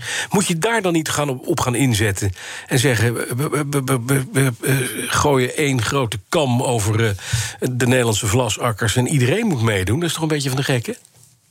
Nou Ja, dat is natuurlijk heel erg lastig, hè? Want kijk, gewoon vaccinatie is gewoon vrijwillig. Ja. En, ehm, en de grote vaccinatiecampagnes, die hebben dus wel alle mensen bereikt die zich vrijwillig hebben laten vaccineren. Ja. En er zijn inderdaad nog populaties die dus inderdaad dat niet doen vanwege religieuze overwegingen. Maar ook nog wel plekken waar gewoon toch echt een taalbarrière is geweest. Hè, dat mensen gewoon nog niet genoeg de informatie hebben gehad. En daar wordt ook nog steeds volop ingezet om die mensen te bereiken en hè, voorlichting te te geven. Maar dat is veel meer een één op één, eh, een kleinschalige manier van overtuigen. Dus dat gaat nog steeds door, maar ja, dat kost wel tijd. Ja, maar toch, die, die, die, dat zeg ik, hè, moet je dan niet juist inzetten in die gebieden? En als je coronamaatregelen handhaaft, dat je dat juist daar doet. En in de rest van Nederland kan je dan zeggen... nou ja, daar zien we hoge vaccinatiegraden en reproductiegetallen... die ver onder de nul zitten. Dus daar hoeft het niet, punt. Gisteren werd het ook al Ja. gezegd, eventjes over Staphorst. Met zoveel woorden. Ja, maar goed, dat is uiteindelijk toch ook zeg maar, natuurlijk in het begin van de eh, pandemie best lastig gebleken. Ja. Eh, kijk, Nederland is gewoon een heel klein land. Mhm. Dus als je ergens maatregelen inzet, dan is het natuurlijk heel makkelijk om gewoon 20 kilometer verderop iets te gaan doen. Dus dat is toch heel erg moeilijk om dat echt dan onder controle te houden. Ja. Wat, zou je nou kunnen doen? Hè? Want die mensen die niet willen, of re- religieus niet willen. Ja, eh, anderzijds, misschien moet je op een gegeven moment ook zeggen: dat is collateral damage. Het is dan jammer als ze ziek worden en besmet raken. Eigen schuld, dikke bult. Ja, maar dat werkt niet zo in het zorgsysteem. Het is uiteindelijk dan toch natuurlijk de mensen die op dat moment de, eh, de hulp acuut nodig hebben. En dat zijn natuurlijk toch mensen die dus ja, gewoon ademhalingsproblemen gaan krijgen. Ja. die, die kan je niet laten liggen. Dus die nemen dan toch een ziekenhuisbed in, of een IC-bed in. Ja, en dat heeft ook weer gevolgen voor allerlei andere mensen. Dus dan betekent ook weer dat als je geopereerd moet worden aan iets anders, dat er weer geen plek is. Dus vandaar dat het wel echt ja, heel erg belangrijk is om het aantal besmettingen zo laag mogelijk te houden. Zou het nou niet goed zijn als we ergens in het midden van het land gewoon een aparte kliniek opzetten waar alleen maar COVID-patiënten komen, zodat we die, die eh, reguliere zorg ontlasten? Zoals in het begin van de pandemie al een keer eh, voorgesteld werd door dezegene. Nou ja, dat, dat, die, die- daar zijn absoluut voorstellingen eh, voor gedaan. Maar Ja. ik zit daar niet zo goed in. Dus ik weet niet zeg maar, of dat heel makkelijk kan. Kijk, het probleem wat we natuurlijk nog steeds ook wel hebben... is toch echt ook wel een eh, probleem met de capaciteit. Hè. Met name, he- het is ingewikkelde zorg. Dus je hebt daar eh, speciaal, specialistische opgeleide mensen voor nodig. Hè, ook verpleegkundigen. En dat is allemaal niet zo heel makkelijk om dat dan in één keer om te zetten. Hm, Dank u wel. Marjolein van Egmond is hoogleraar immunologie van het Amsterdamse UMC. En dan gaan we naar Coolblue, want die zet zijn beursgang in de ijskast, zei Pieter Zwart, de voorman. Hallo allemaal, dag Koebloers. Vandaag hebben we besloten om de beursgang tot nader order uit te stellen. De huidige onzekerheid op de financiële markten schrikt potentiële investeerders af, met name als het gaat om nieuwe beursgangen in de e-commerce. En dat terwijl wij juist als ondernemer het volste vertrouwen hebben dat we op de juiste koers zitten. Ja, investeerders durven het dus kennelijk niet aan om te investeren in nieuwe techfondsen die naar de beurs gaan. Nou, ik vind een opmerkelijke uitleg van Pieter Zwart, de voorman van Coolblue. Bij ons is economie-redacteur Wesley Weert. Wes, hoe zie jij dit? Nou ja, het is zeker opmerkelijk, omdat al die gebeurtenissen zo kort op elkaar volgen. Een paar weken geleden werd die beursgang aangekondigd. Toen was het sentiment nog gunstig. Die hoge aandelenkoersen, dat was er juist mede de reden dat ze naar de beurs zouden stappen. Ehm, en, en, en toen werd alles in een soort van stroomversnelling gezet. eh, want Coolblue zou eigenlijk, nou nog, ik geloof eind oktober, begin november naar de beurs gaan. Dat werd naar voren getrokken. en nu eh, ja, gaat er alweer een streep door. En het is de tweede keer dat er eh, op de rem wordt getrapt. Want het eigenlijke plan, dus het originele plan, was om voor de zomer al naar de beurs toe te gaan. Nou, dat werd toen uitgesteld. Omdat er nog meer tijd nodig was om eh, alle puntjes op de, op de i te zetten. Ze hadden ook nog een eh, zwangere CFO destijds. Ja, precies. Die Daphne Smit, die, die, die- daardoor kon het niet, dacht. Daardoor kon het mede niet. Dat was in ieder geval de, de officiële reden. Nou, toen werd het eh, oktober. Maar ja, nu wordt het dus opnieuw uitgesteld.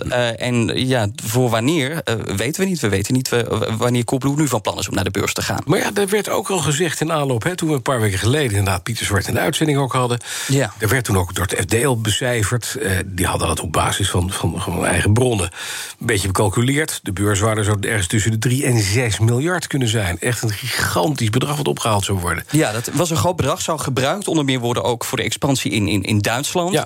En ehm, waar onze collega's van het FD ook over berichten, dat waren problemen in de aanloop naar die, eh, naar die beursgang. En dat had te maken ook met een tekort aan bezorgers en personeel in de distributiecentra. Eh, daardoor, eh, ja, om toch voldoende personeel te, te hebben om al die wasmachines op tijd te bezorgen, moesten ze nou, flink in de buidel tasten om, om toch personeel te vinden. Die loonkosten die waren hoger. En ehm, nou ja, die, dat, dat drukt dus op de winst. Dus de winst was daardoor lager. En ja, de combinatie van die lagere winst en de onzekerheid op de beurs, ehm, nou, dat kan er dus voor zorgen dat beleggers minder bereid zijn om er wat voor te betalen. En dat lijkt nu ook een beetje het argument te zijn dat, ja. dat Pieter Zwart inderdaad gebruikt. Waarom die beursgang nu, nu is uitgesteld. En bovendien, eh, die, dat geld van die beursgang zou gebruikt worden voor de expansie in In Duitsland. Maar tegelijkertijd eh, waren er ook behoorlijk wat kosten om de boel in Duitsland aan te zwengelen.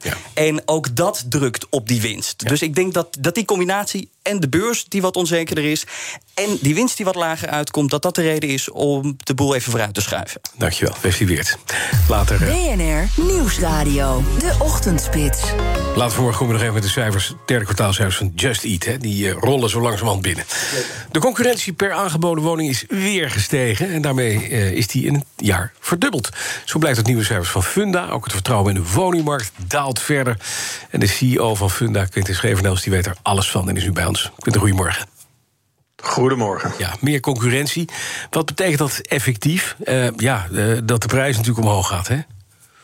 Ja, precies. Ja, ja, het is de disbalans tussen vraag en aanbod. En er is eh, op dit moment minder aanbod beschikbaar dan een jaar geleden. Maar de vraag is nog steeds heel hoog. Dus de concurrentie per woning die gaat eh, flink omhoog daardoor. En in welke prijsklasse zien we dat met name?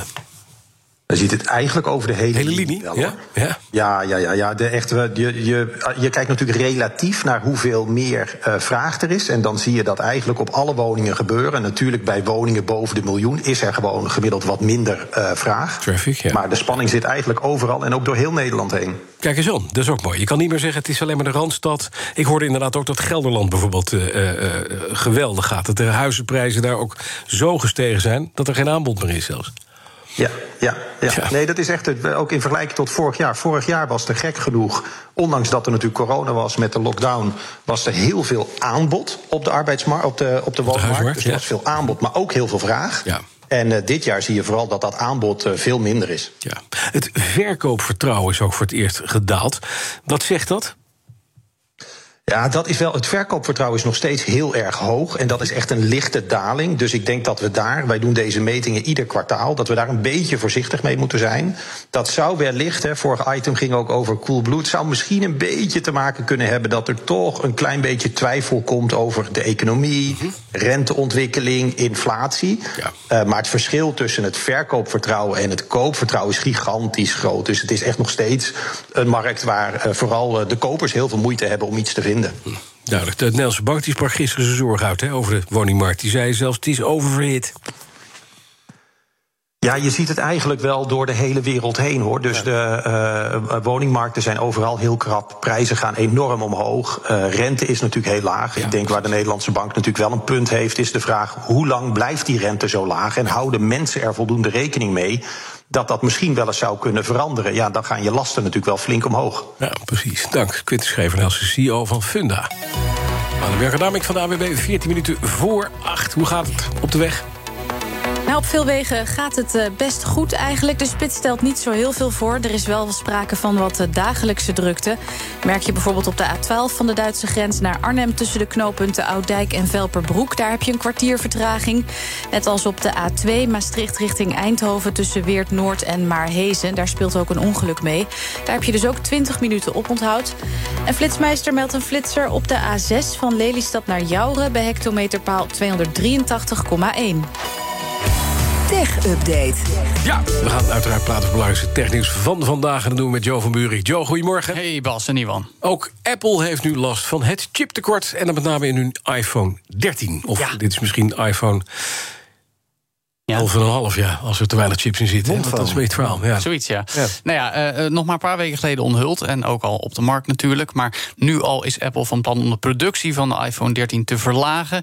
Dat melden bronnen aan Bloomberg. Eh, er zijn uh, waarschijnlijk 10 miljoen minder exemplaren die dan gemaakt kunnen worden. De planning was namelijk om er 90 miljoen in het vierde kwartaal van 2021 af te leveren. Nou, dat lijkt dus niet te gaan lukken. En dat komt vooral door de toeleveranciers van Apple, Broadcom en Texas Instruments die hebben vooral last van die tekorten. Dus daardoor kan in het laatste kwartaal van dit jaar dus niet de target van 100 miljoen iPhone 13's gehaald worden.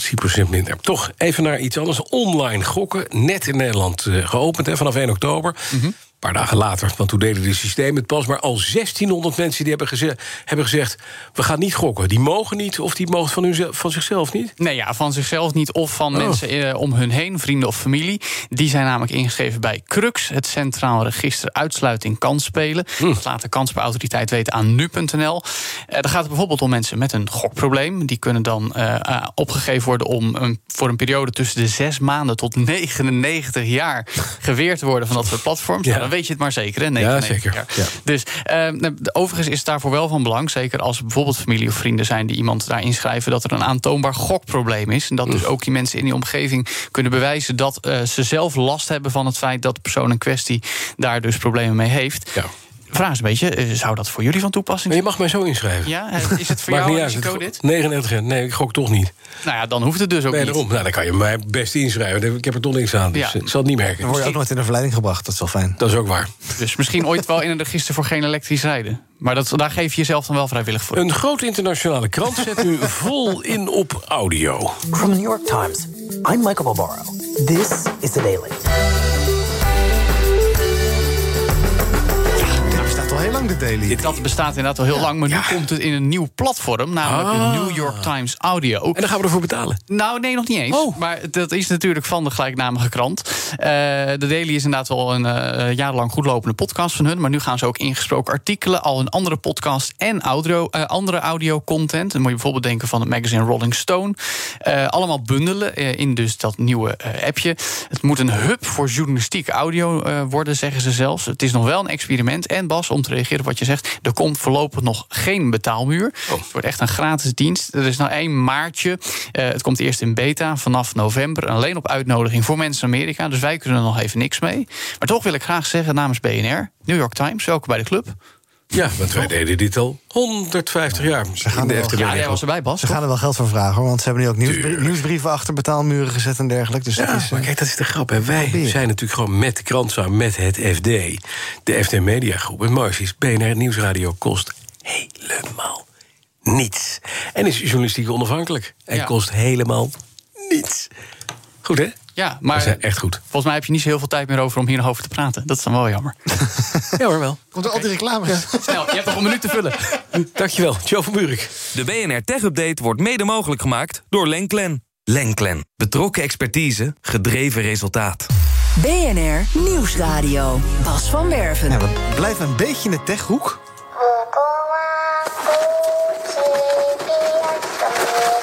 Heb je Squid Game gezien, Bas? Ik ben bezig. Want jij was ziek twee dagen, dus je had hem af kunnen kijken. verontrustende serie. Ja, het zijn negen afleveringen van een uurtje, geloof ik heb geen idee. Maar En het is, ik, ik, ik, ik, Hoe ver ben je? Welke aflevering? Aflevering 1. Ah, oké, aflevering één. Halverwege. Ik kan niet wennen aan het, aan het Koreaans, wat alleen maar...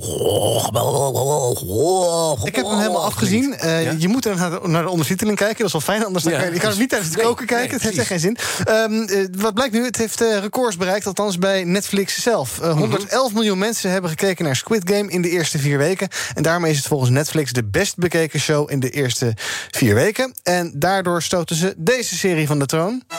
All is fair in love and war. Ja. Bridgerton, stuk beter te verstaan ook. Die serie werd eh, in de eerste vier weken 82 miljoen keer bekeken... maar dit, eh, deze Koreaanse serie dus 111 miljoen kijkers. Ehm, inderdaad, het is heel dystopisch en zwart. En ja, er worden kinderspelletjes gedaan met arme Koreanen... die in de schulden zitten. Maar als, je het niet over, als je dat spelletje niet goed doet... dan eh, loopt het niet goed met je af, laat ik het zo zeggen. Fijn, hier, de spoiler. En, heeft er... en bedankt. Nou, ik zeg toch niks? Zover was ik nog niet. Het loopt niet goed met je af. Dat je jij niet. van- Nee, met jou wel. Oh, Nou, nee, zover ben ik nog niet. Zal ik gewoon niks zeggen verder? Bridgerton. Squid Game. Ga het lekker kijken. Of als je niet van Koreaans houdt, doe dan lekker Bridgerton. Dan kan je wel tijdens het koken Maar wat kijken. een intona- rare intonatie heeft het Koreaans. Ja, dat het is gewoon een hele andere taal. Ja. Het is. En dan gaat het een beetje... het- Wat zouden de Koreanen van Nederlands vinden, Bas? Die vinden het heel raar kan ik zeggen, wat een rare intonatie op Speciaal Nederlands. voor alle Koreanen. Ja? De column van Bernard Hammelburg. Zolang we niet in een Europese staat leven, hangt het EU-lidmaatschap van een land af van zijn eigen grondwet. Nee, dit is geen uitspraak van het Poolse constitutionele tribunaal, maar van rechter Peter Huber van het Duitse grondwettelijke hof in Karlsruhe. En de uitspraak is niet van nu, maar anderhalf jaar oud. De strekking is vergelijkbaar. Het Europese Hof in Luxemburg is niet de veste van de Europees juridische heilige graal. Er zijn meer overeenkomsten. Nog het Duitse Hof, nog het Poolse tribunaal wordt door de EU erkend. En beide jagen de Brusselse gevestigde orde in de gordijnen, terwijl Ursula en co. die dwarsliggers in toga strikt genomen zouden kunnen negeren. Neem nog een andere uitspraak van rechter Peter Huber van dat Duitse Hof. Als von der Leyen zegt dat Europees recht altijd en zonder enige beperking geldig is, dan is dat niet correct. Dan kun je zeggen dat Duitse Bundesverfassungsgericht probeert het Europese Hof te corrigeren, terwijl het Poolse tribunaal simpelweg de autoriteit van het Hof ontkent.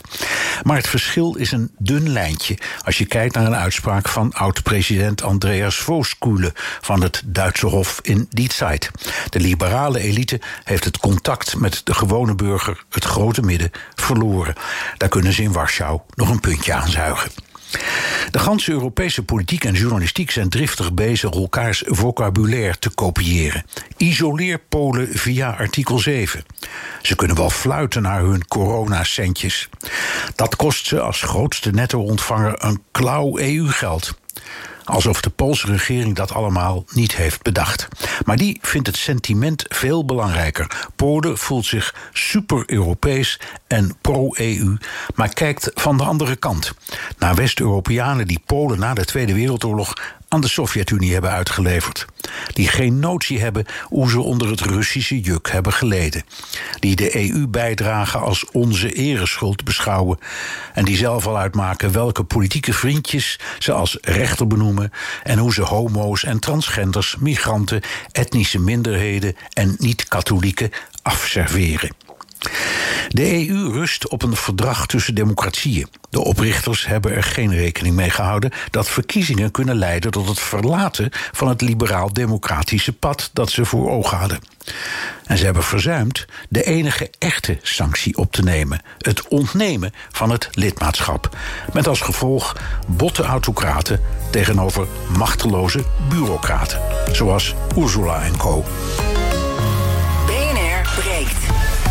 In alle sectoren wordt hard gezocht naar personeel. Maar wat blijkt, er zitten nog altijd een heleboel prima gekwalificeerde 50-plussers thuis op de bank. Een enorm potentieel wordt onbenut gelaten, zeggen arbeidsmarktdeskundigen, vakbonden en organisaties die zich voor die werkzoekende 50-plussers inzetten. Ons breekijzer vandaag is niet jongeren, maar juist 50-plussers zijn de toekomst op de arbeidsmarkt. Wat vind jij? Moeten werkgevers vaker 50-plussers aannemen en zich daarvoor inspannen? Of denk je, ja, nou goh. Een 60-jarige, pff, dat is duur, misschien niet helemaal van deze tijd, leert wat minder snel, vaker ziek. Ja, moet je daar nou wel aan beginnen? Hmm, Oké. Hoe zorgen we ervoor dat die bankzittende 50-plussers de gaten op de arbeidsmarkt kunnen vullen? Wat moeten werkgevers daarvoor doen en laten? Wat moeten die 50-plussers daarvoor doen en laten? Ons breekijzer dus om 11 uur in BNR breekt. Niet jongeren, maar juist 50-plussers zijn de toekomst op de arbeidsmarkt. Ik ga erover praten met een panel, met een deskundige. En ik hoor eh, graag jouw mening. 50-plussers op kantoor, zie je dat zitten? Of denk je, nou, laat ze maar lekker zitten thuis op de bank. Achter de geraniums. Hé? Een glaasje wijn erbij. Lekker later voor wat het is. 11 uur in BNR breekt. Business Booster. Hey ondernemer, KPN heeft nu Business Boosters. Deals die jouw bedrijf echt vooruit helpen. Zoals nu, zakelijk tv en internet, inclusief narrowcasting... de eerste 9 maanden voor maar 30 euro per maand. Beleef het EK samen met je klanten in de hoogste kwaliteit. Kijk op kpn.com slash businessbooster. Business Booster. BNR Nieuwsradio. De Ochtendspits. Bas van Bergen. Zes minuten over acht. Goedemorgen. Ondanks dat het in veel sectoren de spuigaten uitloopt met personeelstekorten, nemen werkgevers nog steeds, hoe blijkt, amper 50-plussers aan. Begrijp je dat, uh, Iwan? Het hangt een beetje van die 50-plussers af, maar... Nee hoor, als er... Als er nee. Je kan er heel veel grapjes over maken... maar als er allemaal potentieel zit, moet je dat natuurlijk gewoon gebruiken. Absoluut. Ja. Het, het gekke is dat het aantal 50-plussers de afgelopen jaren juist gestegen is. Maar nog steeds zit er een enorm potentieel op de bank thuis. Zeggen arbeidsmarktdeskundigen, vakbonden... en verschillende organisaties die zich bezighouden... met het zoeken voor werk voor die 50-plusser. Bij ons Ton Wildhagen, hoogleraar arbeidsmarkt... aan de Tilburg University. Meneer Wildhagen, goedemorgen. Goedemorgen. Ja, u hoort er ook toe, hè, tot die 50-plussers, net als ik. Ja, dat klopt. Dat klopt. Ja, ja. Hebben wij een baan. Maar hoe kan het dat die, dat die werkzoekende 50-plusser eigenlijk gewoon te weinig aan de bak komt? Nog steeds door al die stomme vooroordelen van te duur, niet digital savvy, eh, te vaak ziek, noem maar op. Nou ja, vooroordelen, dat is één ding. Hè. Dat zie je ook in, in andere landen. Maar het heeft ook wel te maken met uh, de arbeidsmarktregels, ook in Nederland. Mm -hmm. En uh, met name iets wat uh, vorige week het nieuws was ook met de Nederlandse banken. Dus als je dus zegt van ja, je moet mensen die uh, ziek worden twee jaar lang doorbetalen, het loon. ja, dan worden dus groepen die dus nog niet werken. En groepen waarvan wordt gedacht, nou dat is toch wel, wordt wel heel riskant. Ja, dat belemmert ook zeg maar die, die opname op de arbeidsmarkt. Dus ja, ja dat, dat is zeker ook een punt. Want je ziet dat in Nederland die stereotyperingen en, en die risico's zwaarder liggen dan in omringende landen. Ja, en dat komt dus inderdaad ook door de juist die, die onflexibilisering van de arbeidsmarkt... waar zo ontzettend op gehamerd is. Dat werkt dus niet voor deze groep, begrijp ik. Nee, deze groep uh, werkgevers worden eigenlijk ver, versterkt zeg maar, in, hun, uh, in hun beelden. En denken van, nou ja, we hebben natuurlijk, het is heel krap, maar Sowieso zouden we eigenlijk liever jongere mensen willen. Dat, dat zie je eigenlijk ook in andere landen. Maar als je als risicofactor wordt gezien, uh, omdat het uh, tot kosten kan leiden en procedures, uh, ja. ja. dan, dan haken werkgevers dus weer eerder af. Ja, en toch, er zit een enorm potentieel. Hè? Dat kunnen we duidelijk stellen. Er zijn mensen met ervaring die weten, kennen het klappen van de zweep. Ze zijn best digital savvy, klaar. Nou ja, dat is ook zo. Ik bedoel, mensen hebben enorm veel ervaring. En ervaring kan je niet leren, dat moet je echt opdoen. Uh, en, uh, en tegelijkertijd is het juist wel flexibel. Want uh, vaak hebben mensen geen jonge kinderen meer. Dus hoeven ook ja. niet om, om half zes bij de kinderopvang te staan. dus, dus dat zijn allemaal voordelen. En wat ja. natuurlijk heel mooi is, en dat hebben we al heel vaak bepleit... koppel ze ook aan jonge mensen die misschien nog meer digitaal savvy zijn... maar ja. die niet ervaring hebben, zeg maar. en dus dat kunnen ook gouden matches zijn... om, om jong en oud op de werkvloer te koppelen, juist. Hoe, hoe kun je dit nou wel uh, optimaal gaan benutten, dit potentieel? Nou, kijk, je hoopt natuurlijk dat. Uh, nou ja, de, de, krapte is niet fijn, hè? Dus de krapte nee. is een ontwrichtend proces. Maar je zou denken dat uh, werkgevers natuurlijk toch gewoon ja, hun, hun eisen in dat opzicht bijstellen. Want uh, je sluit inderdaad zo'n grote groep mensen uit. En die groep wordt steeds groter. En uh, er komen st steeds minder jongeren. Mm -hmm. Dus het is denk ik ook een kwestie van. Uh, ja, dat je gewoon mensen een kans geeft en laat zien wat ze kunnen. Ja. En ja, dan zul je heel snel merken uh, dat, ja, dat er eigenlijk niet eens zo'n groot verschil is. Zeker niet in de jongere groep, hè, ook qua, qua fitheid en, en dat soort zaken. Dus, uh, en de meeste werkgevers zijn trouwens zelf ook best wat ouder. Uh, dus het is een hele vreemde situatie. Dus, dus het is gewoon een kwestie van geef mensen die kans, laat ze het bewijzen. En, en ga niet uit van die stereotyperingen. En dat zien we ook, hè, want veel van die mensen die krijgen een tijdelijk contract aangeboden. Die krijgen misschien een, een, een baan om even te proberen, om te kijken hoe en wat. Anderzijds, en dat hoor je ook veel werkgevers zeggen... die zeggen, ja, dat is leuk, dat, dat, dat potentieel wat op de bank thuis zit... maar het is wel duur potentieel. Het zijn allemaal mensen die, ja, die relatief duur zijn... ten opzichte van een jonkie. Ja, maar ook dat is toch wel vaak een misvatting. Het idee is dat mensen pas willen werken... als ze hun oude salaris, oude baanniveau weer uh, terugkrijgen. Maar... Mm -hmm. Ja, dat is niet en zeker niet na verloop van tijd. Eh, Dus ook, daar kan je ook over in gesprek. Het is echt niet dat mensen zeggen van ik deed ooit dit en ik was hoofd dat en nou wil ik dat. De, de- er is ook flexibiliteit op dat vlak. En dat is ook gewoon een kwestie van het gesprek aangaan. En dan zul je ook zien dat mensen niet die overdreven eisen stellen. En dat ze eigenlijk ook zeggen van nou ja, dan is het maar even in eerste instantie een tijdelijk contract. Eh, Maar heel veel mensen, ook die ik ken, die willen gewoon die kans. En die hebben geen enkele terughoudendheid wat betreft arbeidsvoorwaarden om weer te beginnen. Precies, als je maar een baan hebt. Toch? Dacht ik. Tom Wildhagen, dank. Hoogleraar arbeidsmarkt aan de Tilburg University. BNR Nieuwsradio. Ja, en als je een baan hebt, dan kan je de boodschappen weer betalen. Dat Nou, is best wel prettig. Dat En- hoop je, dat je die kan betalen. Exact, dat hoop je. Want die boodschappen die worden steeds duurder. Misschien heb je het al, al gemerkt bij de kassa van je supermarkt. Mm. Vooral frisdrank, bier, conserven, verzorgingsproducten... en schoonmaak, schoonmaakartikelen stegen fors in prijs. Ze schrijft het Algemeen Dagblad vandaag. Doen ze op basis van eh, GFK, de marktonderzoeker. Zij inventariseren dagelijks boodschappen in de Nederlandse supermarkten. Zouden er dan mensen van GFK elke dag met mandjes door de winkel lopen... en dan afrekenen en dan zeggen ik doe het voor mijn werk? Of zo? Nou ja, goed. Eh, de hogere prijzen zijn volgens Koos Gardebroek... die is landbouweconoom bij de Wageningen Universiteit... vooral het gevolg van geëxplodeerde vraag naar landbouwproducten. Volgens hem is het aanbod stabiel gebleven... maar is de vraag enorm. Eh, We weten de economieën trekken aan. Voedselvoorraden worden weer aangevuld. De vraag naar veevoer stijgt. Ehm, eh, Brandstof is allemaal vraag naar. En dat gaan we dus ook merken in de supermarkt. En hij denkt ook dat eh, de komende tijd de prijzen ook wel blijven stijgen. Dus eh, trek maar eh, meer geld uit voor de supermarkt. En ook is trouwens de verwachting dat kleding duurder wordt... doordat de katoenprijs op de internationale markt is gestegen... tot het hoogste niveau in 10 jaar. Dus nu weer kleding hamsteren. Nee, wol. Wol kan ook, Gewoon ja. Precies. Automaker VDL vraagt medewerkers om verlof op te nemen. En het liefst onbetaald verlof. Want vorige week werd het bedrijf getrokken. Dat hebben we verteld door een grote hack. Systemen van bedrijven liggen nog immer plat. Maar vanmiddag hebben ze gezegd... gaan we de productie weer opstarten bij VDL Netcar in Born. Om de financiële schade van de digitale avond te beperken... heeft VDL nu zijn medewerkers inderdaad verzocht... jongens, neem even vakantie. En daarover schrijft onze zusterkant het FD. Inderdaad. Het gaat om medewerkers die niet kunnen werken omdat hun productielijn stil ligt. Ja, dan kan je wel aan die lopende band gaan staan, maar als er niks gebeurt, dan eh, heeft dat niet zoveel zin. Er is dus gevraagd, je zei het al, of zij extra vakantie willen opnemen, zodat ze dan ook niet hoeven worden doorbetaald. Ik weet niet hoeveel mensen dat gaan doen. In totaal zijn er 15.000 medewerkers. Het is niet duidelijk hoeveel daarvan hun werk nog niet kunnen uitvoeren en ook wat dan de bereidheid is, want je kan het natuurlijk als werkgever niet afdwingen, je kan het vragen. De niet gewerkte uren die worden nu in een soort urenbank gestopt. Die worden daarin opgespaard, zodat werknemers die later weer in kunnen ja, of moeten halen. Ehm, en eh, ja, er is dus hoop vandaag dat eh, de autobranche weer een beetje kan opstarten daar. Ja.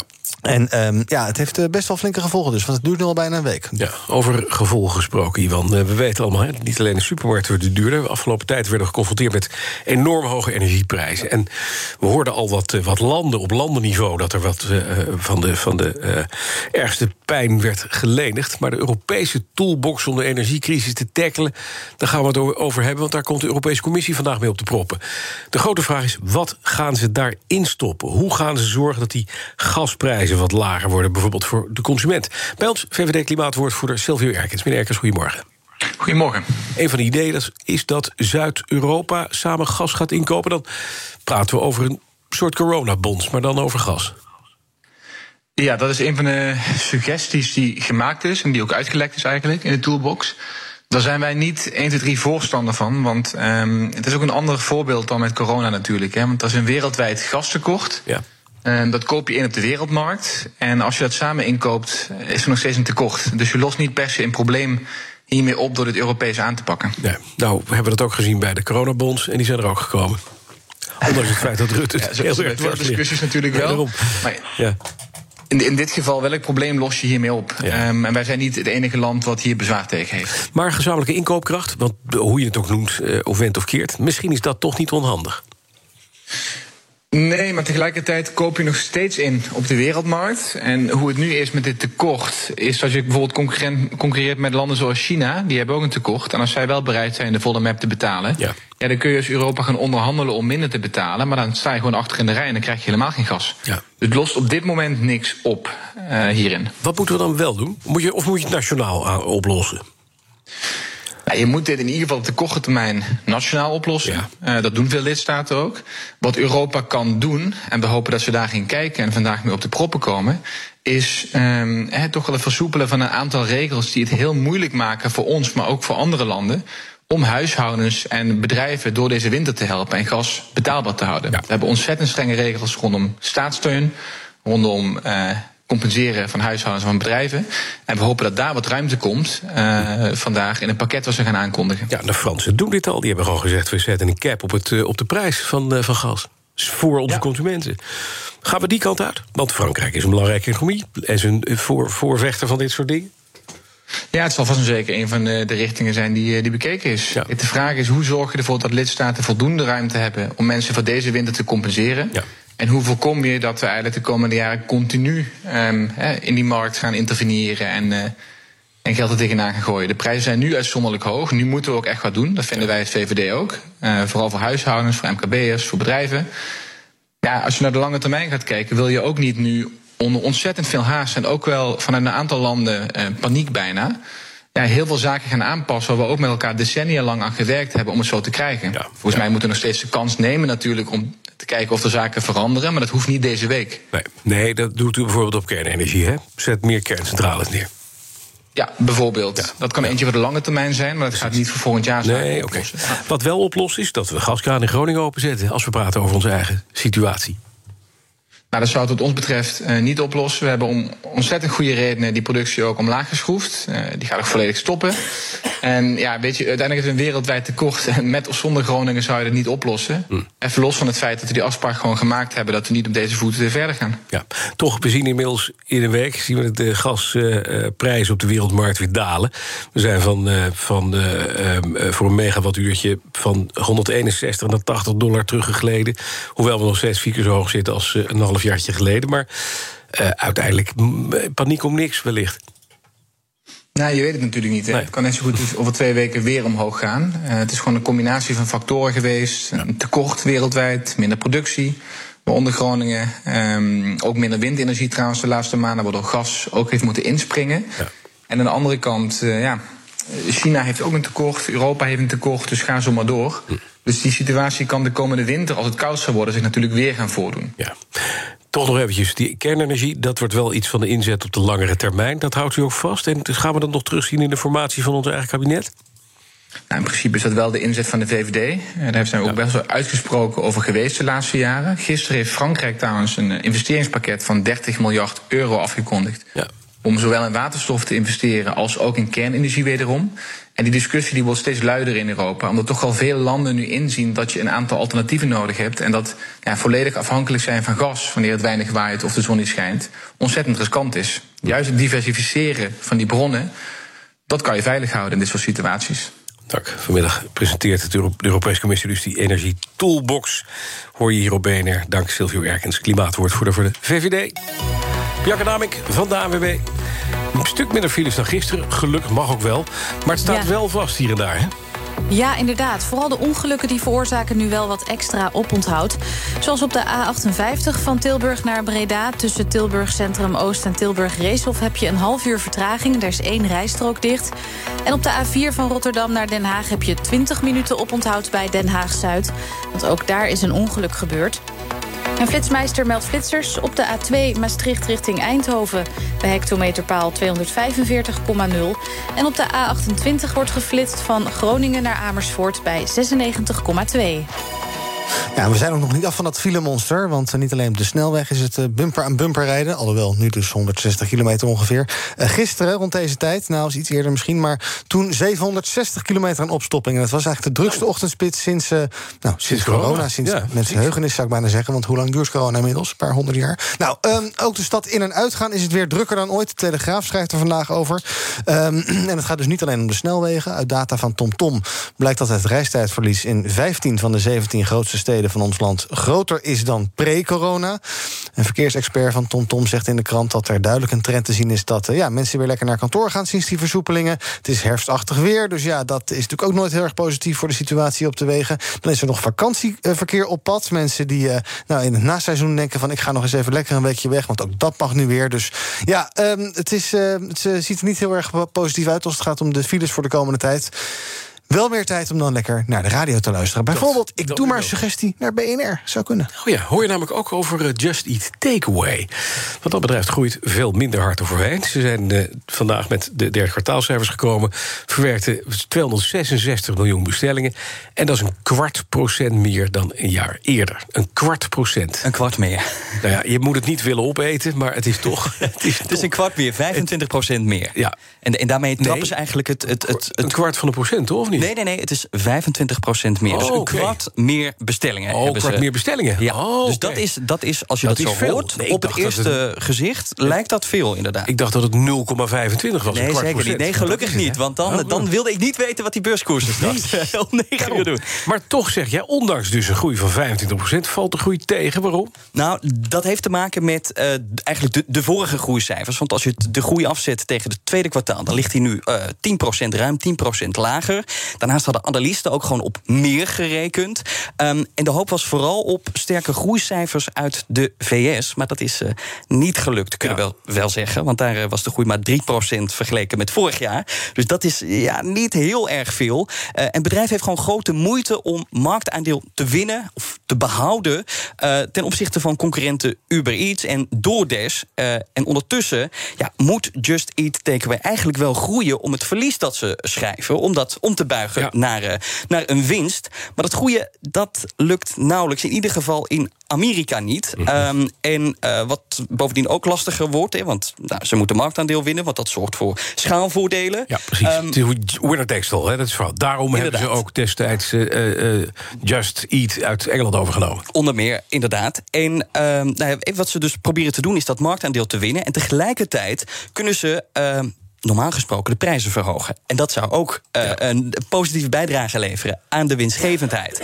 Alleen wat je nu ziet in een stad als New York, eigenlijk de belangrijkste stad in de VS, is dat daar recent is ingestemd met een wet, uh, waardoor ze nog maar maximaal 15% commissie mogen rekenen aan de restaurants, terwijl dat normaal gesproken tot 30% op kan lopen. Ja. Dus je ziet op verschillende plekken in die motor dat daar zand in, in die motor zit. En dat is ook terug te zien in de beurskoers, hè, want ook uh, beleggers hebben nou, wat minder vertrouwen in Just Eat takeaway. Mm. Um, want op het hoogtepunt van de coronacrisis tikt het aandeel de 100 euro aan. En nu is er nog maar iets uh, minder dan 65 euro van over. Ja. En dat is dus wel een uh, flinke afstraffing. Dat We heeft onder meer hier ook mee te maken. Dankjewel, Wesley. We gaan over die cijfers verder praten met Nico Inberg van de aandeelhouder. Nico, goedemorgen. Goedemorgen, Bas. Ja, het bedrijf weet nog wel te groeien, hè? maar 25 procent, de omzet vergroot. Is dat voldoende beleggers weer een beetje aan boord te krijgen? Nou ja, kijk, um, men kijkt meestal wat de analisten verwachten. Die verwachten ietsje meer. Dat lag meestal tussen de 30 en 35 procent. Dus wat dat betreft is het een beetje een tegenvaller. Ja. Um, moet wel zeggen dat volgende week is er een beleggersdag. Capital Markets Day. En daar is eigenlijk de focus op. Dus daar worden, als er al dingen gaan gebeuren. En uh, hij moet wel iets gaan doen, denk ik, Jitse Groen. Dan wordt dat volgende week bekendgemaakt. Dus dit is een klein beetje een tussenbericht. Wat weliswaar licht tegenvalt. Maar er is niet al te veel van aan te leggen. Je ziet wel dat in, in Amerika hebben ze moeite om te groeien. 3% was het. En um, nou, ze hebben die, die, die baas van Amerika die stapt op per 1 december. Dat is afgelopen week okay. al al bekendgemaakt. Dus daar, daar, daar, worden waarschijnlijk al maatregelen genomen. Die cijfers wisten ze natuurlijk al. En, mm-hmm. en nou ja, goed, het is dan een beetje lullig om die man ja, vandaag wat bekend te maken. Want dan krijgt hij eigenlijk de schuld in zijn schoenen geschoven. Voor de lijfcijfers die niet goed zijn. Ja, ja, dus, ja. dus een week lekker. En ja. betekent wel dat Jitse daar, ja, net als in Engeland, dat hij daar uh, het heft in handen neemt. Mm. En uh, ja, dan moeten ze dat zien op te starten op een of andere manier. Ja, toch blijft dat lastig. Hè? We hebben gezien, inderdaad, als je in deze markt echt, uh, echt wil groeien... dan moet je dus de grootste worden. Dat, hebben we laten, dat zien we in Duitsland, dat zien we in Engeland... Hè, waar Just Eat Takeaway toch grote slagen gemaakt heeft. Amerika is wel een tandje anders, hè? Hadden ze dat ja. niet een beetje van tevoren moeten gaan inzien?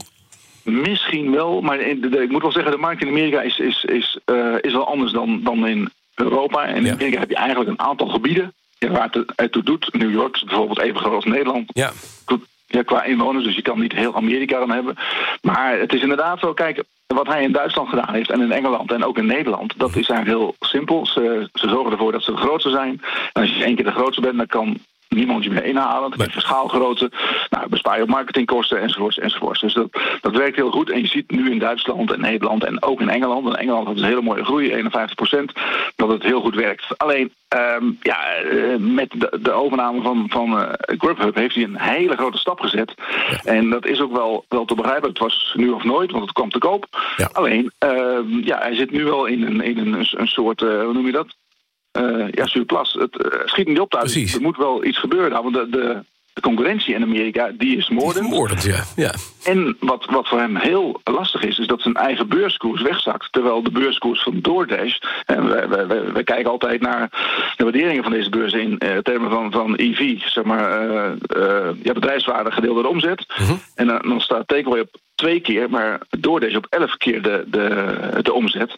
En dat betekent dat die aandelenkoers van DoorDash en ook van Uber Eats... die zijn zo hoog dat als zij willen kunnen ze met de uitgifte van nieuwe aandelen heel gemakkelijk eh, bijvoorbeeld takeaway overnemen. Ja. En dat is nu iets waar hij, waar, en ik hoop dat ze daar de volgende week iets over gaan zeggen. Dat zij bijvoorbeeld een, een onderdeel gaan afstoten, bijvoorbeeld Australië of, of uh, ja, wellicht uitvoert. Dan kunnen ze geld maken. En, dan kan hij daar een slag mee slaan. Ja, en met dat geld zijn eigen aandelen gaan inkopen en die beurskoers opkrikken. Want nu is hij een beetje wat we noemen sitting duck. Ja, precies. Duidelijk. Dankjewel. Nico Inberg van de aandeelhouder. Hardlopen, dat is goed voor je. En Nationale Nederlanden helpt je daar graag bij. Bijvoorbeeld met onze digitale NN Running Coach... die antwoord geeft op al je hardloopvragen. Dus, kom ook in beweging. Onze support heb je. Kijk op nn.nl slash hardlopen.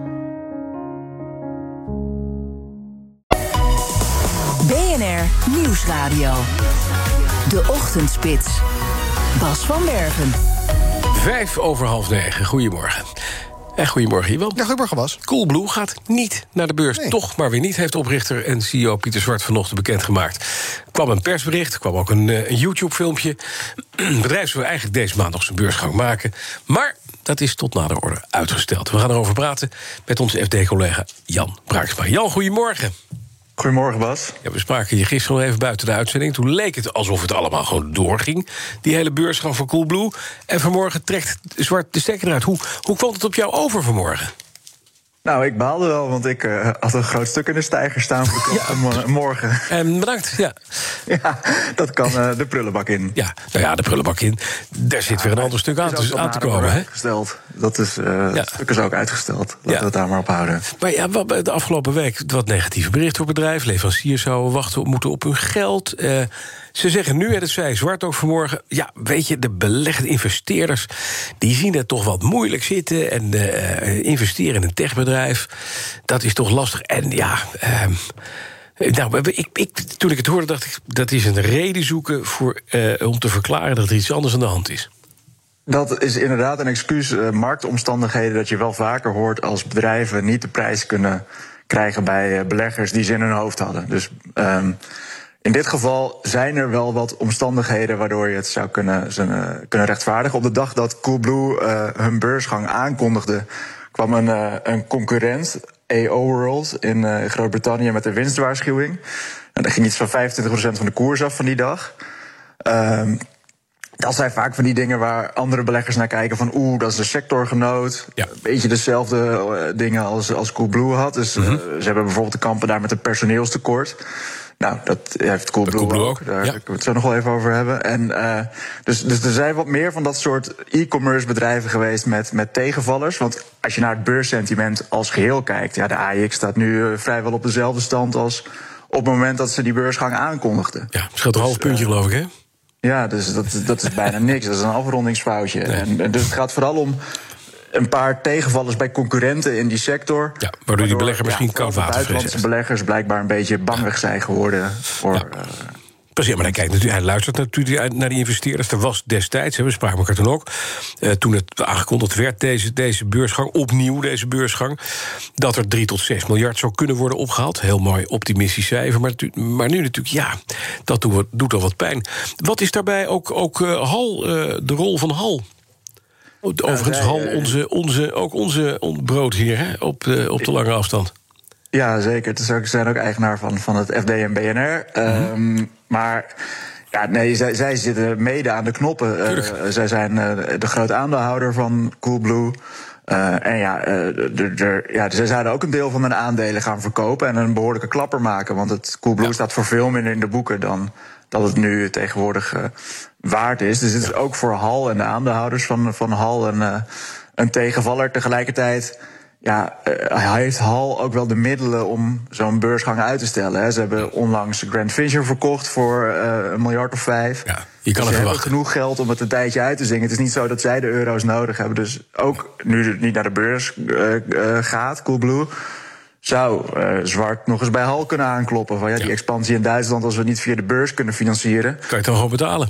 Ja, kun, ja. Kun je, kunnen jullie eens de portemonnee ja, trekken daar precies. in Rotterdam? Ja. Toch nog, nog eventjes naar uh, uh, één ding. Je zei het al, personeelstekorten. Ze zitten toch ook met dingen. Het is de tweede keer bovendien dit jaar dat die beursgang uitgesteld wordt. Ja, ik, ik kan me voorstellen. Ook een beetje met de verhalen die jij net, net had over die EO World. Uh, plus personeelskorten ook hier. Want daar hoorden we Coolblue ook al over. Hè. Ze zoeken met ja. mannenmacht naar bezorgers en monteurs. Ja alles bij elkaar, als je het twee keer uitstelt. Dat is toch voor uh, mogelijke prospects helemaal niet zo goed nieuws. Laat je dan zo'n fonds niet meteen ten derde malen ook uh, voor de lange duur liggen? Nou, de, de eerste keer was, uh, stonden ze in de startblokken, maar hadden ze besloten iets, iets over de zomer te tillen omdat hun CFO zwanger was. Dat is ja. natuurlijk een heel ander argument. Ander verhaal.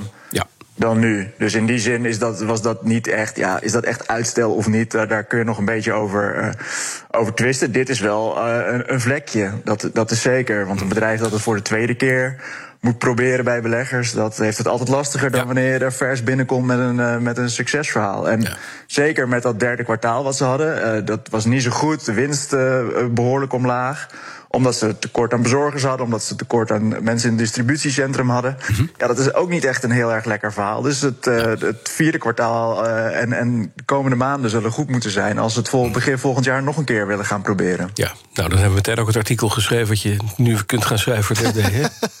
Ja, dank je Bas. Weer erbij als co-auteur eigenlijk? nee hoor, doe jij maar. Jan Braaksma, onze collega van het Financiële Dagblad van het FD. De Ochtendspits. Zou mooi zijn in de byline. okay.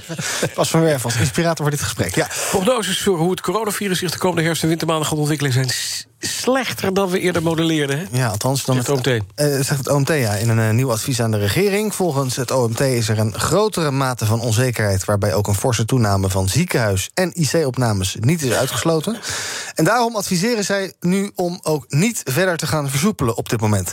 Het OMT spreekt van een kantelpunt in de epidemiologische situatie... Hè, nadat twee weken geleden die meest recente versoepelingen zijn ingegaan.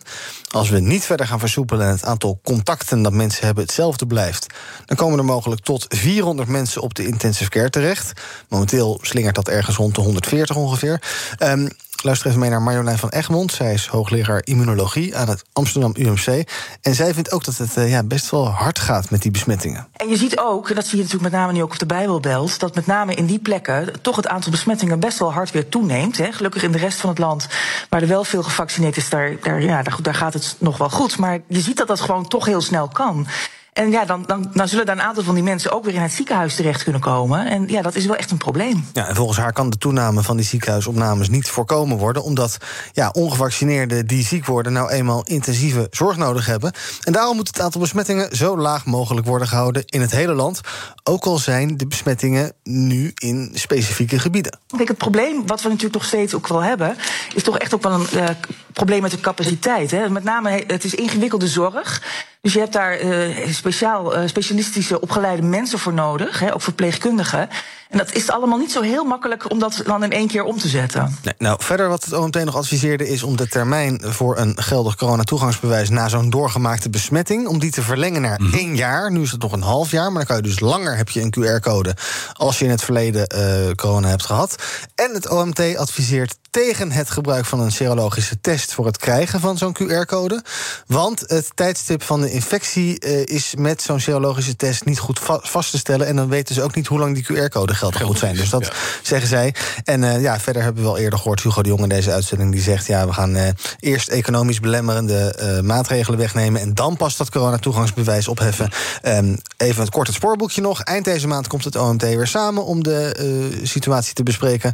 Dan gaat het demissionair kabinet, ik geloof op 5 november, knopen doorhakken. En eh, nou ja, we gaan het zien. Maar het OMT is niet heel positief momenteel. Wat speelt er vandaag op eh, eh, het politieke vlak in Politiek Den Haag? Sophie van Leeuwen.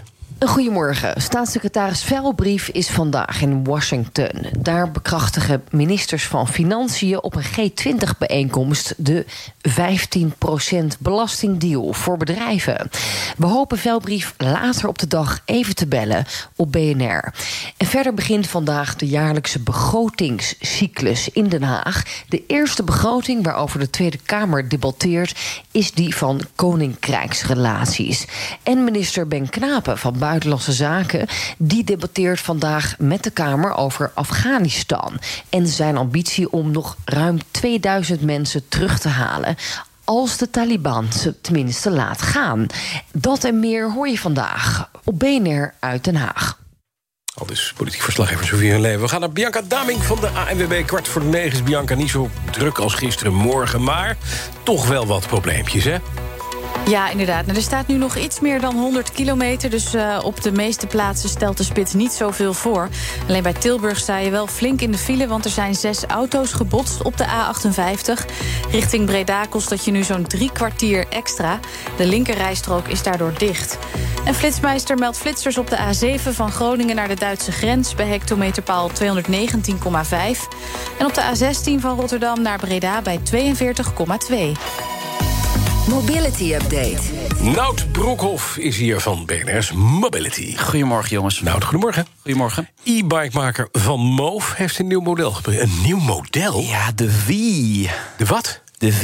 De V. De V. Ja, de V. Van Velocity? Ja, wie weet. Ik denk het wel. Uh, helemaal des famoos, moet ik wel zeggen. Mhm. Less is more. Dikke banden, robuust frame.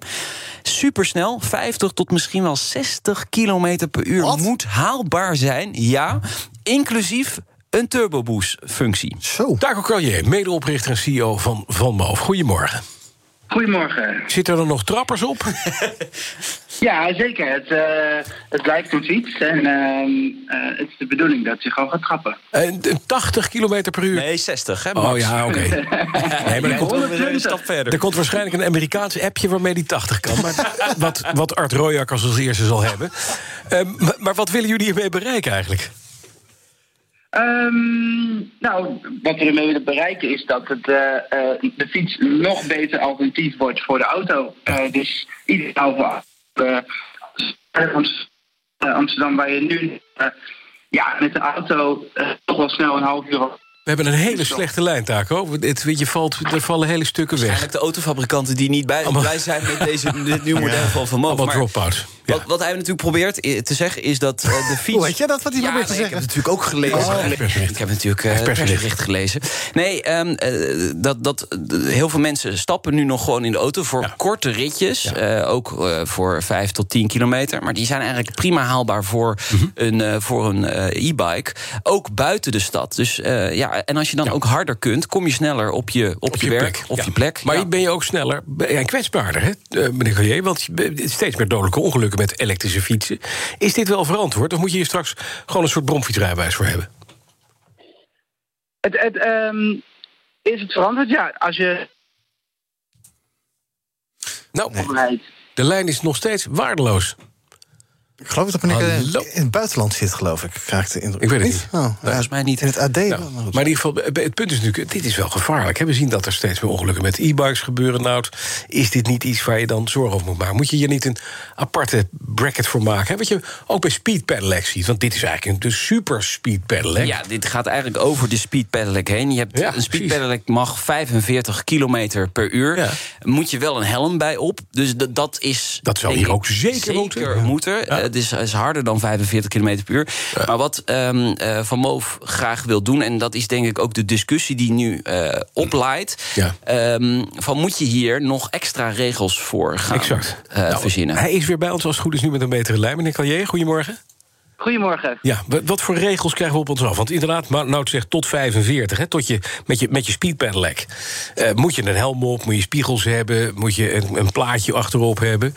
Wat, wat, wat, moet je doen om te voorkomen dat er ernstige ongelukken gebeuren... bij hogere snelheden? Want we weten allemaal, met een e-bike eh, op je plaat en dan met 60... dat is allemaal überhaupt, met welk voertuig dan ook... is dat niet prettig. Moeten er nog andere speciale maatregelen worden genomen wat u betreft? Nou, ik denk, je hebt gelijk. De categorie bestaat nu tot, eh, tot en met 45 eh km per uur. En met nummerplaatje, waardoor die erg eh, niet populair is. In Vlaanderen bijvoorbeeld, daar eh, mag je speedpedelec Nee, dit gaat er niet meer. Het, het viel weer weg. Meneer Carrier, dank u wel. Medeoprichter en CEO van Van Moof. Hij is gisteren al eh, aangekondigd, hè, die nieuwe fiets, de V-bike. Je kunt hem eh, Wat reserveren. vind je van hoe het eruit ziet, nou? Vind je hem mooi? Ja, ik vind hem, ik vind hem er wel zeker gaaf eh, Ja. uitzien. Ehm, maar ik ben gewoon benieuwd. Ze moeten nu gewoon ehm, met, met overheden eh, in conclaaf... Mhm. om te kijken van waar mag je eh, zo hard met een e-bike op, op de weg. Ik denk zeker ook dat een instantie als Veilig Verkeer Nederland... zich hiermee gaat, gaat bemoeien. Uiteindelijk van, hè, want wat jij net zegt, Bas, dat klopt. Eh, er gebeuren steeds meer dodelijke ongelukken Ja, met zeker. elektrische fietsen. Dus we moeten ook wel oppassen daarmee.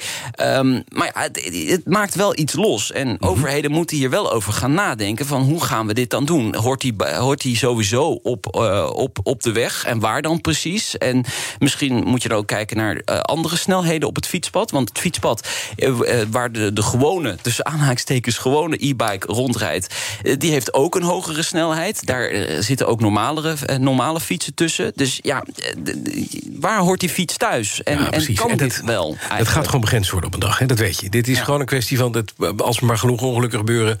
dan gaan e-bikes ook gewoon, die worden afgeschaald... en dan is het, is het klaar. Juist. Dus Zeker als het in diezelfde verkeersmodaliteit die stroom zit met gewone fietsen, dat kan gewoon niet meer. En dit, een ding wat 60 gaat door de binnenstad... onbeschermd op een fietsje met, een, met zo'n plastic taart op je hoofd... nou, ik... eh, Mag het nu überhaupt? Mag je hier de weg zou niet op? Nee, daarom moeten ze dus met overheden in gesprek gaan. Ja, Om- precies. ik, weet, ik denk trouwens dat dit ook meer voor eh, buiten Nederland is. Mhm. Amerika, eh, misschien eh, richting Zuid-Europa, Azië. Daar, dat zijn ook grote markten waar Vermoof s- verder wil groeien. En waar afstanden soms nog groter zijn. Dus misschien dat ze daar ja, eerder dit soort fietsen aan de man kunnen Nou, brengen. kennen we de prijzen van een beetje van meneer Van Moof? Ja. Weten we wat die kost, deze Ja, ja, ja. V-bike? Ja? 3500 euro. Goedemorgen. Zo. Koop je een hele leuke tweedehands motorfiets voor. Met een cc'tje 450. Nog ander mobiliteitsnieuws, Nout? Ja, ehm, ik heb een, eh, leuk verhaal over Volocopter. Dat is een Duits eh, dronebedrijf. Heeft een eerste vlucht gemaakt met een vrachtdrone... op de ITS World Congress in, Mhm. in Hamburg. Ik heb daar ook wat eh, geluid van. Moet ik even luisteren.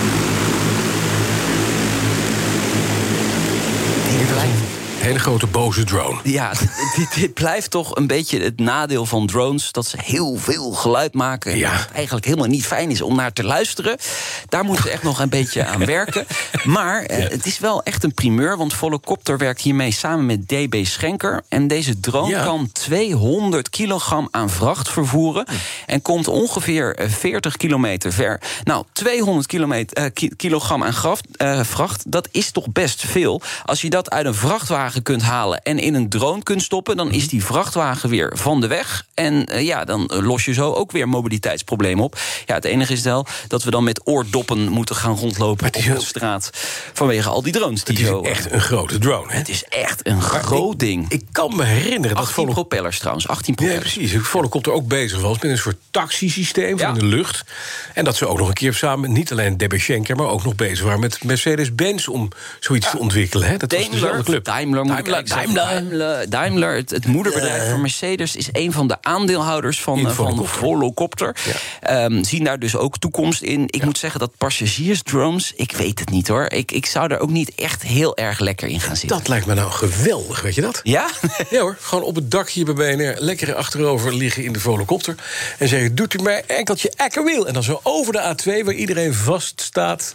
lekker twee, een beetje naar eh, BNR zitten luisteren... zo naar huis vliegen. ik, ik, ik geloof er in ieder geval wel meer in dan de, de, de hoe heet dat? De, de, de Palvi uit eh Raamsdonkveer. Weet je wel, de. Ja, ja. de Nederlandse vliegende auto. eh, waarmee je ook kunt rijden en, en de lucht in kan. Ik geloof meer in drones dan in eh, dat. eh, ja, dat. Zit slecht nieuws voor Paul V.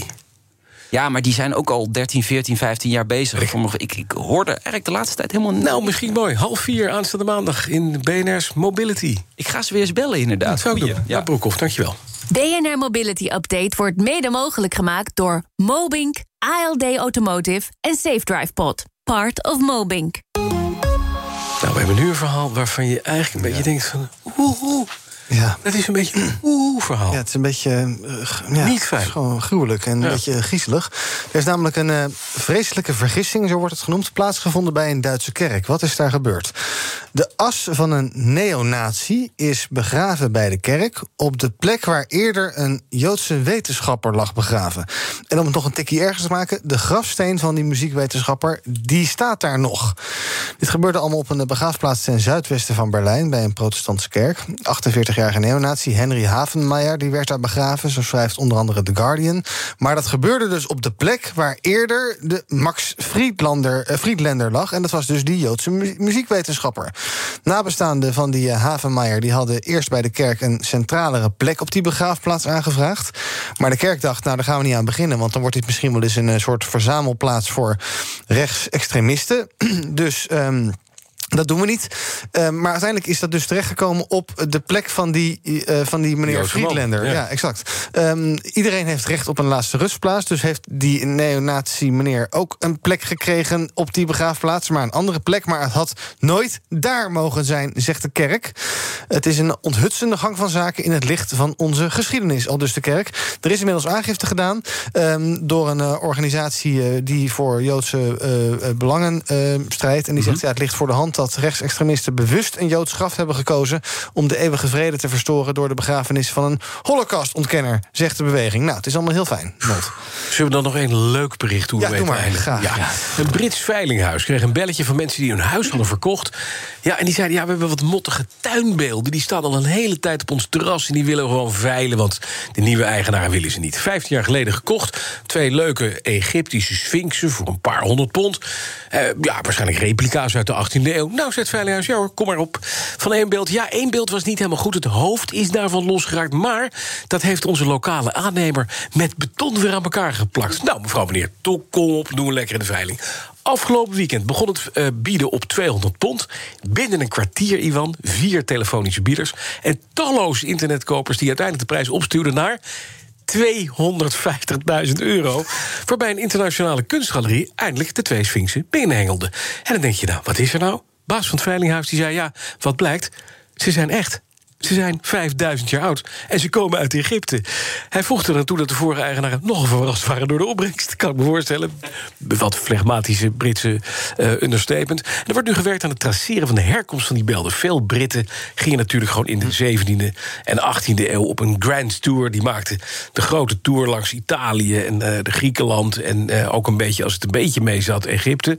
En die brachten wel eens een doosje met spulletjes mee. Nou, misschien dat deze twee sphinxjes daarin mee zijn gaan. 250.000 pond.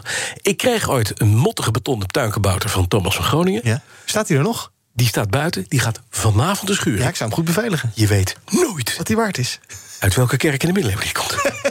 Business Booster. Hey ondernemer, KPN heeft nu Business Boosters. Deals die jouw bedrijf echt vooruit helpen. Zoals nu, zakelijk tv en internet, inclusief narrowcasting... de eerste 9 maanden voor maar 30 euro per maand. Beleef het EK samen met je klanten in de hoogste kwaliteit.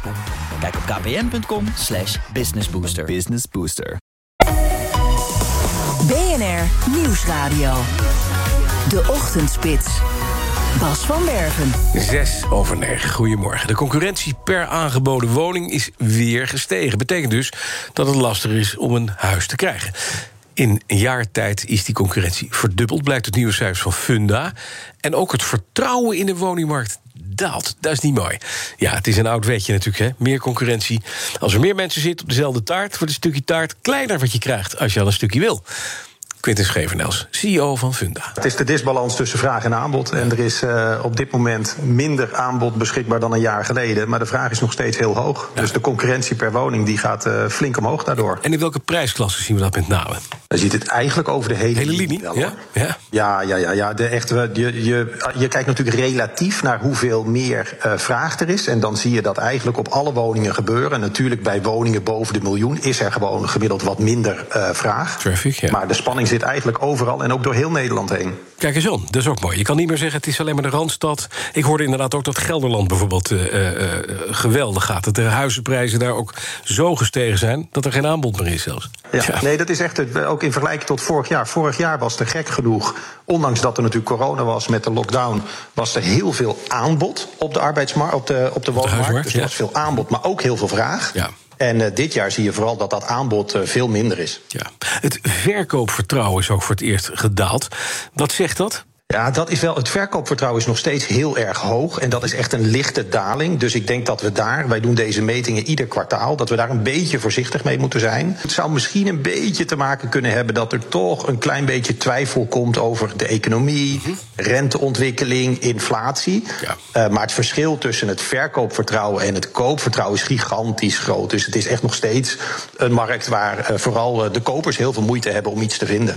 Duidelijk. De Nederlandse bank die sprak gisteren zijn zorg uit hè, over de woningmarkt. Die zei zelfs, het is oververhit. Ja, je ziet het eigenlijk wel door de hele wereld heen hoor. Dus de uh, woningmarkten zijn overal heel krap. Prijzen gaan enorm omhoog. Uh, rente is natuurlijk heel laag. Ja. Ik denk waar de Nederlandse bank natuurlijk wel een punt heeft, is de vraag hoe lang blijft die rente zo laag? En houden mensen er voldoende rekening mee dat dat misschien wel eens zou kunnen veranderen? Ja, dan gaan je lasten natuurlijk wel flink omhoog. En dat zei Quinten Schevernel, CEO van Funda. Dan is er een recordjaar voor aandelen in de maak. Langer is bekend dat beleggers goud aan de horizon zien... en zich op de aandelenmarkt hebben gestort... maar nog nooit stroomde er zoveel kapitaal naar aandelenfondsen. En de kans is groot dat 2021 een recordjaar wordt... zeggen twee economen bij de Nederlandse Bank... die een stuk over geschreven hebben in het economenblad ESB. En hoe komt dat nou? Nou, dat ze verklaren dat door het sterke economische herstel dat plaatsvindt... En ook dat mensen door de coronacrisis meer geld hebben opgepot. Je ging niet met vakantie, je huis was al verbouwd. Dus ja, wat doe je dan? in aandelen. De lage rentes leiden ertoe ook nog dat je bij de bank niets krijgt. Dus aandelen zijn een leuk alternatief. Uiteindelijk zeggen zij, is dit een perfect storm. Ja, wat interessant is, is uh, dat in Nederland er ja, de aandacht voor beleggen meer toegenomen is dan in de rest van de wereld. Schreuders, vermogensbeheerder, heeft een onderzoek uitgevoerd en ze hebben de wereldwijde beleggers uh, gevraagd. Wereldwijd hebben zij beleggers gevraagd naar hun verwachte rendement. En bijna de helft van de Nederlanders heeft vorig jaar meer geld belegd dan oorspronkelijk was gepland. En daarmee had Nederland een van de hoogste scores ter wereld. En Schreuders denkt uh, dat, dat, ja, dat Nederlanders nou eenmaal bereid zijn om ja, wat meer risico te nemen. En ja. daar misschien wat van, ja, van houden, leuk vinden. Dat, dat is mooi, hè? Normaal denk je altijd Nederlanders zijn echt risicovers. Maar nee, we houden ervan een beetje risico. Maar je moet natuurlijk niet fout gaan. Dat Dan vraagt... Nee, dat is waar. Ja. Nee, risico nemen is leuk, maar als het goed gaat vooral. Te veel risico ja. moet je nu ook niet doen. Automaker VDL vraagt medewerkers verlof op te nemen. Het liefst ook van de onbetaalde soort. Er is gevraagd of die mensen extra vakantie willen opnemen... zodat ze niet hoeven worden doorbetaald. Want er is in uh, sprake van een grote hack van systemen van het bedrijf... waardoor de hele tent plat ligt. Vanmiddag gaan ze proberen de autoproductie op te starten... bij VDL Netcar in Born. Maar ja, om de digitale schade te beperken van deze uh, aanval... of de financiële schade, moet ik zeggen, van de digitale aanval...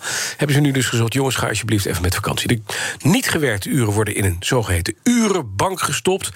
Daar kan je in sparen, zodat je als werknemer later die uren kan inhalen. Als het lukt, dan kunnen ze vandaag aan de slag. VDL werkt samen met chipmachinefabrikant ASML en elektroniemaker Philips. Ja, en dat is uh, de lastigheid. Ook die kunnen geraakt worden door zo'n hack. En dan gaan we naar 50-plussers. Want ondanks het feit dat het in veel sectoren de spuigaten uitloopt met betrekking tot personeelstekorten, zitten er nog steeds veel 50-plussers relatief op de bank. Nou, is het aantal werkende 50-plussers weliswaar een beetje gestegen de afgelopen jaren. Maar nog steeds wordt een enorm potentieel onbenut gelaten. Zeggen arbeidsmarktdeskundigen, bonden en verschillende organisaties die zich bezighouden met het zoeken naar werk voor 50-plussers. Waaronder Floris Venneman van Bureau 50. Wat bij ons natuurlijk ook wel bekend is, dat, uh, dat de generatie X, zeg maar de, de, oudere, de oudste generatie op de werkvloer op dit moment wel uh, in de vorige crisis een flinke klap heeft gehad. Uh, want toen waren de babyboomers nog massaal in de posities om de reorganisaties te doen in de crisis. En die gooide deze generatie er met name uit. Dus dit is wel de generatie die nou ja, ook deze keer weer de klap heeft gekregen. Ja, al is Floris Venneman. 50-plussers hebben ook last van heel veel vooroordelen. Ze zouden te duur zijn, of langzaam, of digitaal niet op orde, of ziek. Volgens CNV-voorzitter Piet Fortuyn heeft het vooral allemaal te maken... met de pensioenleeftijd die opgeschoven is. Eerder stopten mensen zo rond hun 60ste jaar. Inmiddels is dat zo rond de 65ste. Dus de groep is veel groter geworden. En tegelijkertijd zien we dat uh, heel veel mensen boven de 50, boven de 55 jaar ja, eh, solliciteren, komen heel moeizaam aan het werk, eh, worden vaak niet uitgenodigd. En als ze dan een baantje krijgen, ja, vaak dan in, eh, eh, als uitzendkracht, flexconstructies, eh, maar geen vaste dienstverband. Ja, een baantje, een baantje. Die 50-plussers die zijn de groep die je moet inzetten, zegt ook hoogleraar arbeidsmarkt Ton Wildhagen. Mensen hebben enorm veel ervaring. En ervaring kan je niet leren, dat moet je echt opdoen. En tegelijkertijd is het juist wel flexibel. Want eh, vaak hebben mensen geen jonge kinderen meer. Dus hoeven ook niet om, om half zes bij de kinderopvang te staan. Koppel ze ook aan jonge mensen die misschien nog meer digitaal savvy zijn. Maar die niet ervaring hebben, zeg maar. Eh, en, eh, dus dat kunnen ook gouden matches zijn om, om eh, jong en oud op de werkvloer te koppelen, juist. Ja, en dat ziekteverzuim, daar valt het ook in mee. Want als je kijkt naar die cijfers, 50-plussers zijn over het algemeen minder ziek dan jonkies. Dus werkgevers van Nederland, als je dit hoort. En je krijgt vandaag weer zo'n cv'tje met een sollicitatiebrief van een 50-plusser. En je denkt, die wimpel ik wel weer even af. Ja, gewoon. Ga eens in gesprek. Je weet maar nooit. Wildhagen zegt, we moeten wel met een oplossing aan de slag... want de AOW-leeftijd wordt steeds hoger... en dus moeten ouderen langer doorwerken. En dus krijg je als werkgever daarmee te maken. Of mee te maken, wees blij, knijp je handjes dicht. Koop een vijftiger. BNR Nieuwsradio. De Ochtendspits. Ik zit even de eigen leeftijdsgroep te Ik petten. wou zeggen, jij van WC Eend adviseert... eh, Ja, maar het zijn, ik, ik ken een hele hoop mensen van 50 plus... waarvan je echt denkt, nou, dat is een asset voor het bedrijf. Ja. En, ook, en die mensen die willen vaak ook wel werken... en die sturen dan eh, sollicitaties, Ja, maar die krijgen dan... dood. Ja, dat is, en, maar, maar dat zeggen ze nooit in hun gezicht. Nee, dus dat past niet in het profiel, allemaal, Ja, allemaal niet in het lulsmoesjes. Nou, daar word je natuurlijk enorm eh, gedemotiveerd van. Dus eh, eh, ga daar lekker mee aan de slag. Eh, huisartsen, daar kan misschien ook wel wat werk bij. Als in, daar kunnen misschien wat personeel bij. Want voor veel huisartsen is de werkdruk te hoog. Blijkt uit een enquête van de Landelijke Huisartsenvereniging. Ja, wij van de huisartsen vinden dat we te hard werken. Ze zijn het meest bezorgd over het welzijn van personeel en van henzelf. Iets meer dan de helft van de artsen zegt eh, moeilijk vervanging te kunnen regelen bij ziekte. Eh, Veel huisartsen hebben ook minder energie dan voordat corona bestond in deze wereld. En het zijn schrikbarende cijfers die laten zien dat de werkdruk echt de spuigaten uitloopt, zegt de voorzitter van die LHV, Mirjam van het Veld, tegen de NOS. Ze ziet eh, de vermoeidheid bij huisartsen als ze ze bezoekt. En ook liggen er daadwerkelijke consequenties aan die eh, hoge werkdruk bij huisartsen. Ze zien nu al dat hier en daar wat ja, langer gewacht moet worden voordat je terecht kan met een niet-urgente zorgvraag.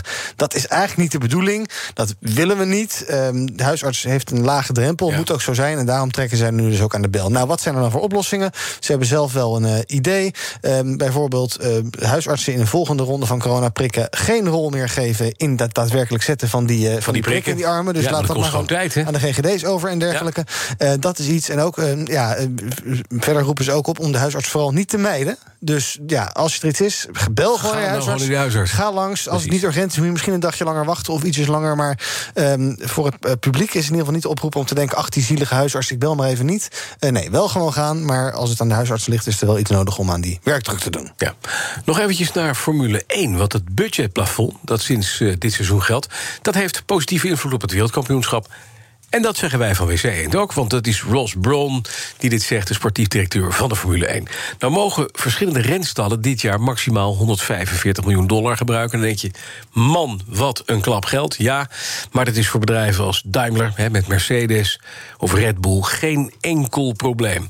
De Ferraris, de Aston Martins, de McLaren's van deze wereld, die hebben daar best moeite mee. Zeker om mee te gaan, eh, die mee moesten gaan in het verleden met die budgetten van die grote renstallen, waardoor die altijd voorop reden. En nu zie je een reshuffle. En dat is wat Bron ziet. En dat zien wij als, eh, als kijkers ook. Je ziet af en toe wat meer mensen op het podium van je denkt: hé. Hey, Hadden we niet gedacht. Maar die kunnen ook rijden. Hij wil niet meer zien dat sommige coureurs met een straatlengte voorsprong kunnen winnen. omdat het team simpelweg meer geld heeft. En hij zegt: Het is prettig te zien dat de strijd zich dit jaar zo gunstig ontwikkelt. Als voor- voorbeeld noemt hij de strijd tussen Max Verstappen en Lewis Hamilton. Hartstikke leuk. Maar ja, de eh, eh, motorhuizen Mercedes en Honda klappen daar onwijs veel geld in. Dus eh, daar ging het even niet over. Over hard rijden gesproken. Bjarke Namik bij de ANWB. Kunnen wij weer Formule 1 snelheden halen op het Nederlands wegdek? Als je zou willen, zou dat her en der best wel kunnen, denk ik, ja. Er zijn eh, niet zo heel veel files meer over. Nog maar een paar. Alleen op de A58 moet je nog even geduld hebben van Tilburg naar Breda... want de weg is daar net weer vrij na een ongeluk bij Tilburg. Er staat nog wel 6 kilometer file met 20 minuten oponthoud... maar dat wordt nu ook dus eh, vrij snel wel wat minder. Een flitsmeister meldt flitsers op de A2 van eh, Maastricht naar Eindhoven... bij hectometerpaal 245,0. En op de A7 van Heerenveen naar de afsluitdijk... wordt geflitst bij 132,4. Het is weer B-Day. Is iemand jarig? Birthday? Nee. Wat dan? Brexit. Oh, Brexit Day. Ah. Ja, vandaag komt de EU namelijk een compromis om zo'n akkoord te gaan krijgen over het Noord-Iers Brexit-protocol.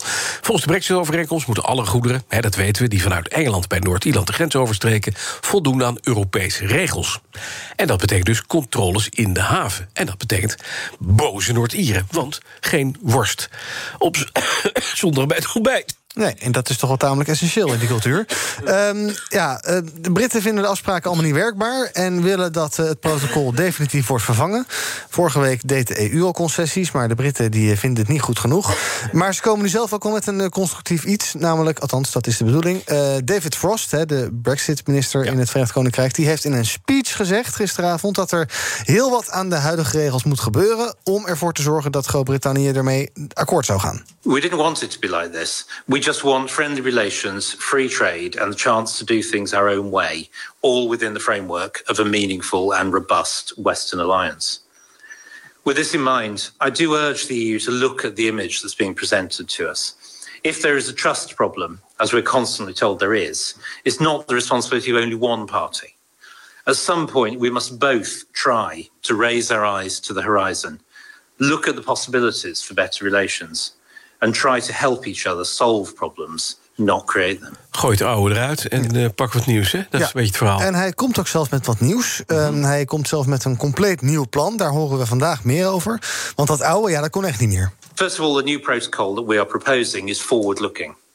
The original version was agreed at a time when we didn't know whether there would be a trade agreement between us and the EU. Many of the most unusual and disproportionate provisions were agreed precisely because we didn't know what the shape of our future trading relationship was going to be. In the face of uncertainty, the original protocol defaulted to excessive rigidity, rigidity which is now needlessly harming Northern Ireland. Ja, um, vandaag dus een nieuw plan vanuit de EU. En ook uh, dat plan van Foster gaan we meer over horen. En dat gaan we natuurlijk ook volgen hier op BNR. Ja, en dan over de Britse economie zelf. Die groeide in augustus minder gedacht... omdat consumenten hun uitgaven in toom hielden. Ja, en dat doet de, twi de twijfel reizen. Zal de productie dit jaar terugkeren naar het niveau van voor de pandemie. Het BBP steeg in augustus 0,4 procent. Meldt het, uh, zeg maar het, het, het Centraal Bureau voor de Statistiek in Engeland. En de uh, reeks herzieningen liet een onverwachte daling zien in juli... waardoor de economie 0,8 procent kleiner bleef... dan toen COVID-19 toesloeg in februari 2020. En dat is niet mooi... Want dat betekent dat het herstel van Engeland onder druk staat ten opzichte van als je kijkt naar Europa. Dat komt omdat ze daar uh, ja, tekorten zien in de aanvoer, dat hebben we gezien. Stijging van de kosten van goederen, we kennen de problemen. Aan pompen in supermarkten, bij toeleverant, toeleveranties. Vandaar ook dat uh, de Britse ministeries nu aan alle kanten bezig zijn om te kijken hoe ze op een goede manier kunnen zorgen dat er weer mensen achter uh, het stuur van trucks komen en spullen kunnen gaan vervoeren. Hoe je sneller zaken de grens over krijgt. Hè. Ook indachtig dat er uh, vandaag wordt gepraat over een mogelijk Noord-Iers nieuw Brexit-akkoord. Nou, het vooruitzicht van stijgende kosten, verdere verstoringen en een mogelijke wintergolf van COVID-gevallen kan een fragiel economisch herstel bedreigen of zelfs knakken, zegt een hoofdeconoom bij KPMG in het Verenigd Koninkrijk. Dan moeten we nog even naar Luna. Dat is een Schotse TikToker die ervoor heeft oh, gezorgd dat. Lidl in dat land alle havermelk heeft teruggetrokken. The oatmilk. Ja, precies. Ja, oatmilk, exact. Het is helemaal hip, hè, onder jongeren vooral. Ja. Allerlei andere mensen die geen koelmelk meer willen drinken. Uh, het is een, een latte macchiato met uh, ja. oatmilk. Precies, oatmilk. Mijn dochter bestelde dit laatst. En wat dacht jij toen? Is dit mijn dochter? ik was, even een korte anekdote. Ik was met mijn vriend op het Drie Landenpunt in Vaals. Ja? Daar probeerde hij havermelk te bestellen. Ze keken hem heel raar aan. Havermelk. Maar goed. Um, Moet u over de grens heen? Die studenten, ja, is heel erg, uh, ja. heel erg Randstad. Uh, die student die kocht dus een pak havermelk bij de Lidl. Merkte dat het een beetje raar rook. En ja, met tuurlijk. klonterig was. Maar uh, de houdbaarheid was nog gewoon goed. Dus -hmm. ze dacht van wat raar. Nou, het ging op, op TikTok wat filmpjes maken om Lidl hierover te bereiken. So I've been at war with Lidl. And it's not really a war because Lidl, you know, are a massive company, so they'll always win. But I'm going to rant on here because I'm really frustrated. I only drink oat milk. I can't really drink milk. It doesn't really agree with me. Same with many people. The shop where I live, and it might be the same with other people, is selling lumpy oat milk. It's not just lumpy, it's like really sour. Ja, en ze heeft ook de, de, de, de melk vergeleken met andere mer- merken. Geprobeerd om het in een blender te stoppen. En dan gaan die klonten maar niet weg. Het is ranzig, Het is goor om te zien. Er zijn ook allemaal foto's van te Ja, zien. maar- Nou, Lidl dacht ook, oh shit, hier moeten we iets mee. Want deze mevrouw gaat naar sociale media. Probeerde het haar toen maar een soort van, ik zeg even, om te kopen met allerlei tegoedbonnen. Ehm, want- gelukt. Allemaal niet gelukt. Luna was het daar niet mee eens. Heeft ook een klacht ingediend bij de lokale gezondheidsdienst. En nu wordt de melk dus alsnog teruggetro- You will teruggetrokken. Never guess what you guys have managed to do. One little employee gave me permission to share this with you, and I am super excited.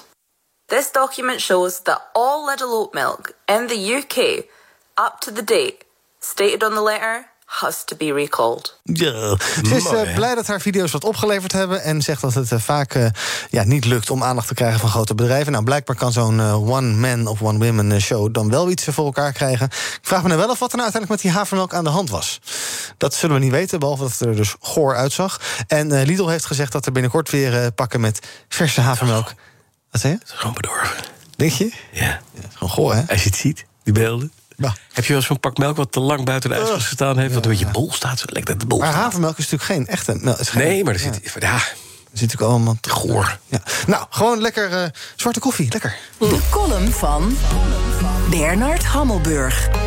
Zolang we niet in een Europese staat leven, hangt het EU-lidmaatschap van een land af van zijn eigen grondwet. Nee, dit is geen uitspraak van het Poolse Constitutionele Tribunaal, maar van rechter Peter Huber van het Duitse Grondwettelijke Hof in Karlsruhe. En de uitspraak is niet van nu, maar anderhalf jaar oud. De strekking is vergelijkbaar. Het Europese Hof in Luxemburg is niet de veste van de Europese juridische heilige graal. Er zijn meer overeenkomsten. Nog het Duitse Hof, nog het Poolse tribunaal wordt door de EU erkend. En beide jagen de Brusselse gevestigde orde in de gordijnen, terwijl Ursula en co. die dwarsliggers in toga strikt genomen zouden kunnen negeren. Neem nog een andere uitspraak van rechter Peter Huber van dat Duitse Hof.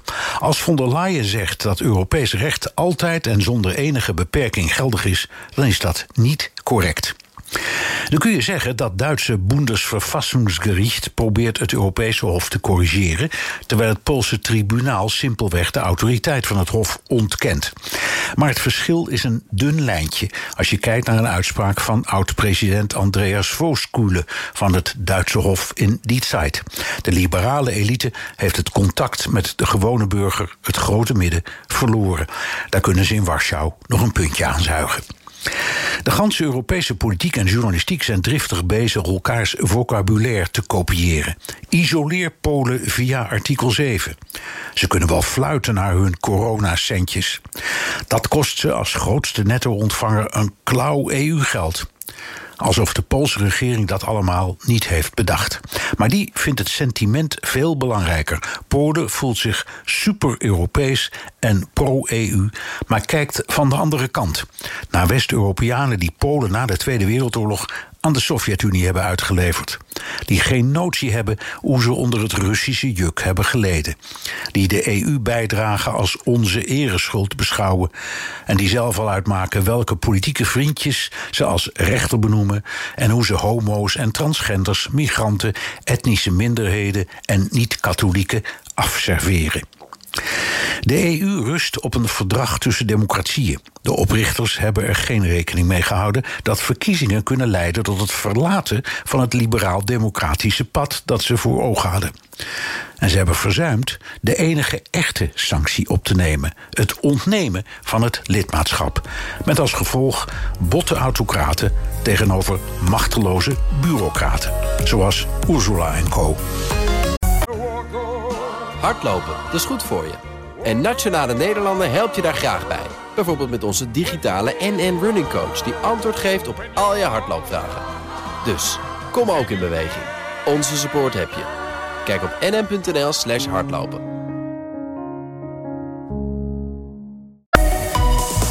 BNR Nieuwsradio. De Ochtendspits. Bas van Werven. Vijf over half tien. Zoals gezegd, laatste half uurtje van deze ochtendspits is begonnen. Iwan? Ja? Ja, dat klopt. Ben je er klaar voor? Zeker. Oké, gaan we naar Just Eat Takeaway. Want dat bezorgt een kwart meer pizza's, pokeballs en sushi dan een jaar eerder. In het derde kwartaal verwerkte de maaltijdbezorger 266 miljoen bestellingen. Alleen beleggers zijn er totaal niet blij mee... want die zetten het aandeel op het Damrak in Amsterdam 4% lager. Economie-directeur Wesley Weert weet ook waarom. Want ja, die beleggers zijn teleurgesteld... en het komt met name door... Uh, de groei die tegenvalt. Zij zet het uh, af tegen de eerdere groei, bijvoorbeeld van het tweede kwartaal. Mm -hmm. uh, ja, en toen lag dat een stuk hoger, ruim 10% hoger toen. Nu dus 10% lager. En daarnaast hadden ze gewoon op meer gerekend. Analisten hadden ook op meer gerekend. en de hoop was vooral op sterke groeicijfers uit de VS, hè, ja. dus uit Amerika. Maar dat is, ja, dat is niet gelukt, kunnen we wel stellen. Want daar groeide uh, de boel maar slechts met uh, 3% En het bedrijf heeft gewoon heel veel moeite om daar marktaandeel te winnen... of überhaupt te behouden uh, van concurrenten Uber Eats en DoorDash. Want die zijn daar natuurlijk groot. Dus Just Eat Takeaway wil dat marktaandeel winnen. Lukt niet. Um, en wat ook nog speelt, hè, zoals je weet... heeft Just Eat Takeaway eerder dit jaar Grubhub overgenomen... En het rommelt daar ook een beetje. En het heeft waarschijnlijk ook te maken dat het daar allemaal niet zo lekker loopt. Nee, uh, want uh, de oprichter Matt Maloney kondigde afgelopen week aan dat hij eind dit jaar vertrekt uit het bestuur van Just Eat Takeaway. En daar zat hij nog maar een paar maanden in. Je ziet wel dat in, in Amerika hebben ze moeite om te groeien. Ze hebben die, die, die baas van Amerika die stapt op per 1 december. Dat is afgelopen week al bekendgemaakt. Dus daar, daar, daar worden waarschijnlijk al maatregelen genomen. Die cijfers wisten ze natuurlijk al. En, en nou ja, goed, het is dan een beetje lullig om die man ja, vandaag wat bekend te maken. Want dan krijgt hij eigenlijk de schuld in zijn schoenen geschoven. Dat betekent wel dat Jitse daar, ja, net als in Engeland, dat hij daar uh, het heft in handen neemt. En uh, ja, dan moeten ze dat zien op te starten op een of andere manier. Ja, dat zei Nico Inberg van de aandeelhouder. Ja, ja hopelijk waren het uh, wel zes fantastische maanden voor Meloni. Want ja, zo kort zat hij dus nou. in het bestuur. Hij zat daar met Jitse Groen om die Noord-Amerikaanse activiteiten te leiden. En nou ja, het is nu er alles aan gelegen, in ieder geval voor Jitse Groen, om die groei daar flink te versnellen. Maar dat die baas van Grip gewoon eruit stapt, dat is gewoon niet een lekker verhaal. Oké. Okay. Nee, dat is nee. geen lekker verhaal. Maar, maar dat, ja, dat hij er dan uitstapt, dat is dan nog wel het beste. En dat kun je dan misschien ook beter uh, okay. van tevoren aankondigen dan Precies, op dit dan moment. vandaag. Ja. Um, alleen ja, feit is, Just Eat Takeaway moet groeien. Hebben, ze hebben schaalvoordelen nodig om vervolgens ook winst te kunnen maken. Uh, nou, dat groeien, dat lukt dus nauwelijks. En wat ook niet meer zomaar lukt, is straks die prijzen verhogen. Mm -hmm. Want ze rekenen een, een commissie. Alleen in New York, de belangrijkste stad in de VS, die heeft nu bepaald dat ze maximaal 15% commissie mogen vragen. Normaal gesproken kun je op, oplopen tot 30 procent. Um, alleen dat mag niet zomaar meer. Um, uh, waardoor er gewoon op verschillende plekken zand in die motor zitten. Uh, en dat is ook terug te zien aan de beurskoers. Want je zei het al, die staat nu 4 procent lager.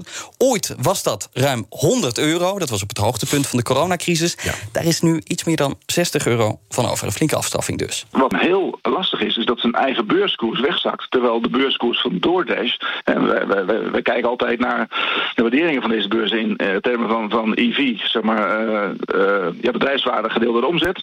En dan, dan staat Takeaway op twee keer, maar DoorDash op elf keer de, de, de omzet. En dat betekent dat die aandelenkoers van DoorDash en ook van Uber Eats, die zijn zo hoog dat als zij willen, kunnen ze met de uitgifte van nieuwe aandelen heel gemakkelijk bijvoorbeeld Takeaway overnemen. Ja, en dat overnemen, dat will just eat takeaway. Waarschijnlijk Ja, niet. Dus precies. dat kunnen zij weer voorkomen door bijvoorbeeld onderdelen te verkopen, Hm. eh, zo zegt uh, Inberg. En met dat geld kunnen ze dan weer eigen aandelen opkopen, waardoor die beurskoersen uh, hoger zijn. Ja, nou hebben ze dus een probleem in Amerika. Dan zou je zeggen, als dat een zorgenkind is... dan is daar misschien de kans dat je daar moet gaan verkopen. Ja, dat hebben ze net Grubhub gekocht. En Dat proberen ze niet snel te- doen. Dat zullen ze niet snel doen. Maar hoe zitten ze in de, in de rest van de wereld? Gaat het daar wel lekker? Nou, het gaat echt niet overal slecht hoor. Maar. Eh, want vooral in Duitsland en het Verenigd Koninkrijk, daar steeg het aantal bestellingen. In het VK zelfs met ruim 50 procent. En dat heeft ook te maken met investeringen die ze daar doen in de eigen bezorgservice. Hè. Dus die, die, die bezorgers die op de fietsen zitten met die oranje pakken, daar hebben ze flink in eh, geïnvesteerd. En daardoor zie je daar wel een behoorlijke groei. Mhm. En volgende week dan geeft de maaltijdbezorger een update over de strategie. En dan vertelt het hopelijk ook meer over hoe, dit, hoe dat het denkt om de komende maanden verder te kunnen groeien. En ook sneller te kunnen groeien. Eh, voor nu, voor heel 2021, dus voor dit jaar, houdt Just Eat Takeaway, ondanks die tegenvaller in Amerika, wel nog vast aan de verwachte ordergroei van 45 procent. Daar is Ja. niks aan veranderd. Nee, Oké, maar die belegger die is er nog steeds niet blij mee. Zeker niet. Die zet het aandeel nog steeds een stukje lager op het Damrak. Ja, het is nu eh, eh, min 3,8 procent. Het is wel iets hersteld dus. Dankjewel, Wesley Weert. BNR Nieuwsradio.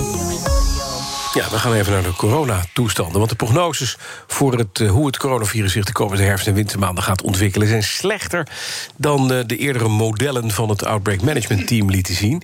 En dus zegt het OMT, ja, tegen het kabinet is een grote mate van onzekerheid waarbij een forse toename van ziekenhuis- en IC-opnames niet uitgesloten is. En dus moet je gewoon voorlopig even niet versoepelen. Ze spreken van een kantelpunt in de epidemiologische situatie. Nou, uh, van allerlei toestanden. Uh, Marjolein van Egmond, hoogleraar immunologie aan het UMC, zegt ook: ja, wordt het hard met de besmettingen. En je ziet ook, dat zie je natuurlijk met name nu ook op de Bijbelbelt, dat met name in die plekken toch het aantal besmettingen best wel hard weer toeneemt. Hè. Gelukkig in de rest van het land, waar er wel veel gevaccineerd is, daar, daar, ja, daar, daar gaat het nog wel goed. Maar je ziet dat dat gewoon toch heel snel kan. En ja, dan, dan, dan zullen daar een aantal van die mensen ook weer in het ziekenhuis terecht kunnen komen. En ja, dat is wel echt een probleem. Nou, volgens haar kan de toename van ziekenhuisopnames niet worden voorkomen. Want die ongevaccineerden die ziek worden, die hebben nu eenmaal intensieve zorg nodig. En dat moet het aantal besmettingen zo laag mogelijk houden in heel Nederland. Ook al zijn er besmettingen in specifieke gebieden. Waarvan je zou zeggen, nou dan moet je juist daar wat doen. Kijk, het probleem wat we natuurlijk nog steeds ook wel hebben... is toch echt ook wel een uh, probleem met de capaciteit. Hè. Met name, het is ingewikkelde zorg. Dus je hebt daar uh, speciaal, uh, specialistische opgeleide mensen voor nodig. Hè, ook verpleegkundigen. En dat is allemaal niet zo heel makkelijk om dat dan in één keer om te zetten. Ja, al dus uh, Marjolein van Egmond, hoogleraar immunologie van het Amsterdamse UMC. Nou, wat blijkt nu dat, uh, we weten het al, hè, gisteren... de missionair minister Ruud de Jonge wil dat de coronamaatregelen... die economisch belemmerend zijn, eerder worden losgelaten... dan het coronatoegangsbewijs. Al dus de minister bij op één. De eerste waar je hoopt dat je ervan af kunt, is die 75 procent. In, in, uh, ja, eerder dan de, de coronapas? Ja, en, en, en, de nachtsluiting, dat, dat is waar je eerder dus hoopt nu tot 12 uur, hè, die mag dan weer door. Als exact. Ja. Dat zijn ook echt economisch belemmerende maatregelen. Die coronapas is hooguit vervelend. Ja, en dus zegt hij, je moet gewoon vaccineren. Waar is de besmettingsgraad nu het hoogst? Waar de vaccinatiegraad het laagst is. En dus is er eigenlijk maar één echt uh, belangrijk ding wat je kunt doen. Zorgen dat die vaccinatiegraad omhoog gaat. Ja, nou, het kabinet besluit begin volgende maand of er al dan niet verder wordt versoepeld. Ik geloof 5 november, uh, als ik het wel heb. Hè. Die wel is een vrijdag. Zeker, dan wordt er weer uh, een en ander aan knopen ja. doorgehakt. En ze gaan op 29 oktober komen ze bij elkaar met de OMT om te kijken van hoe gaan we nou verder. Nou, Robert Willemsen van Koninklijke Horeca Nederland die zegt ja, de cultuursector en de horeca die moeten nog steeds gewoon tot 12 uur uh, open en daarna mogen ze, moeten ze dicht. En die coronatoegangspas blijft ook bestaan. Hij zegt ja, het duurt al even. Uh, maar het is een, vooral teleurstellend ook. Kijk, als het OMT-advies leest, dan is er. Uh, ondanks het verzoek van burgemeesters, uh, politiebond, BOA-bond en ons, geen eens gevraagd expliciet naar uh, het loslaten van die 12 uur tijd. En die is toch wel heel relevant. en daar is gewoon geen onderbouwing dat dat zou leiden tot, tot extra besmettingen. Dus ja, dat is gewoon echt teleurstellend. Nou, Willemsen zegt, kijk nou naar Frankrijk, waar de horeca 20% omzet verliest na invoering van de check-app. Ja, hij zegt, ja, je moet dat, dat kan je gewoon niet maken. We willen een enquête gaan houden om te kijken of die omzetdaling in Nederland ook echt door dat coronatestbewijs komt. En daarmee een stok uh, heeft om mee te slaan richting kabinet. Ja, zeker. Wij, wij gaan komende week weer een uh, enquête houden om te kijken hoe het staat met de maatregelen, maar ook wat dit betekent. De eerste twee weken hadden we natuurlijk ook te maken met uh, veranderende weersomstandigheden. Dus je kan dan niet gelijk zeggen dat al dat omzetverlies te wijten is aan. Uh, maar het zal natuurlijk altijd zo zijn dat dit ten koste gaat van omzet. Het levert geen omzet op. Zij, uh, Robert Willemsen van Koninklijke Nederland. En dan gaan wij nog eventjes naar de toeslagenaffaire. Het blijft maar dooretteren, ja, dossier. Het zijn niet, niet allemaal details of nee. allemaal klein gemierenneuk. Nee, dit zijn advocaten van gedupeerde ouders... die een brandbrief hebben geschreven aan de Tweede Kamer. 220 advocaten die schrijven dat ze hun werk niet goed kunnen doen... door talloze problemen en hindernissen waar ze tegenaan lopen. En door die problemen komen die advocaten ook onder druk te staan. Ze moeten heel erg lang wachten op het ontvangen van dossiers van cliënten. En daar is dan ook nog heel veel van eh, zwart gelakt en gecensureerd... dus daar kunnen ze soms niet zoveel mee. En ja, een van die advocaten is uh, Else Wijzenveld... Um, zij is een van de ondertekenaars van de brandbrief. Zij zei op Radio 1 dat ze graag wil weten wat er gebeurt. Ja. Ook al gaat het traag, maar hou ons op de hoogte. Zorg dat er iets gebeurt. En Wijzenveld zegt, ja, ik ben al 15 jaar advocaat. Altijd als ik bezwaar maak, krijg ik meteen het dossier. Dat bespreek je dan met je cliënt. Dan kan je ook zien of, uh, uh, ja, of dat misschien iets is waar iemand geen recht op had... of wat er mis is, maar, maar er gebeurt nu niks. We weten niks. Niks. Exact. Nee. Dus pleiten die advocaten ervoor dat er een vast aanspreek komt bij de uh, aanspreek meldpunt komt bij de Belastingdienst, zodat ook zij sneller worden geholpen. En ook willen ze meer begeleiding van schade-experts. Uh, dat helpt dan allemaal met het bepalen van de hoogte van de schade. Maar niet alleen uh, veel ontevredenheid en ongelukkigheid bij de Tweede Kamer zelf, dus bij uiteraard de daadwerkelijke, slachtoffers van dat toeslagenschandaal, maar dus ook bij hun advocaat. Ja, nog twee positieve puntjes, voor we even naar Paul van Liemt gaan om te kijken wat er in BNR's Big Five gebeurt.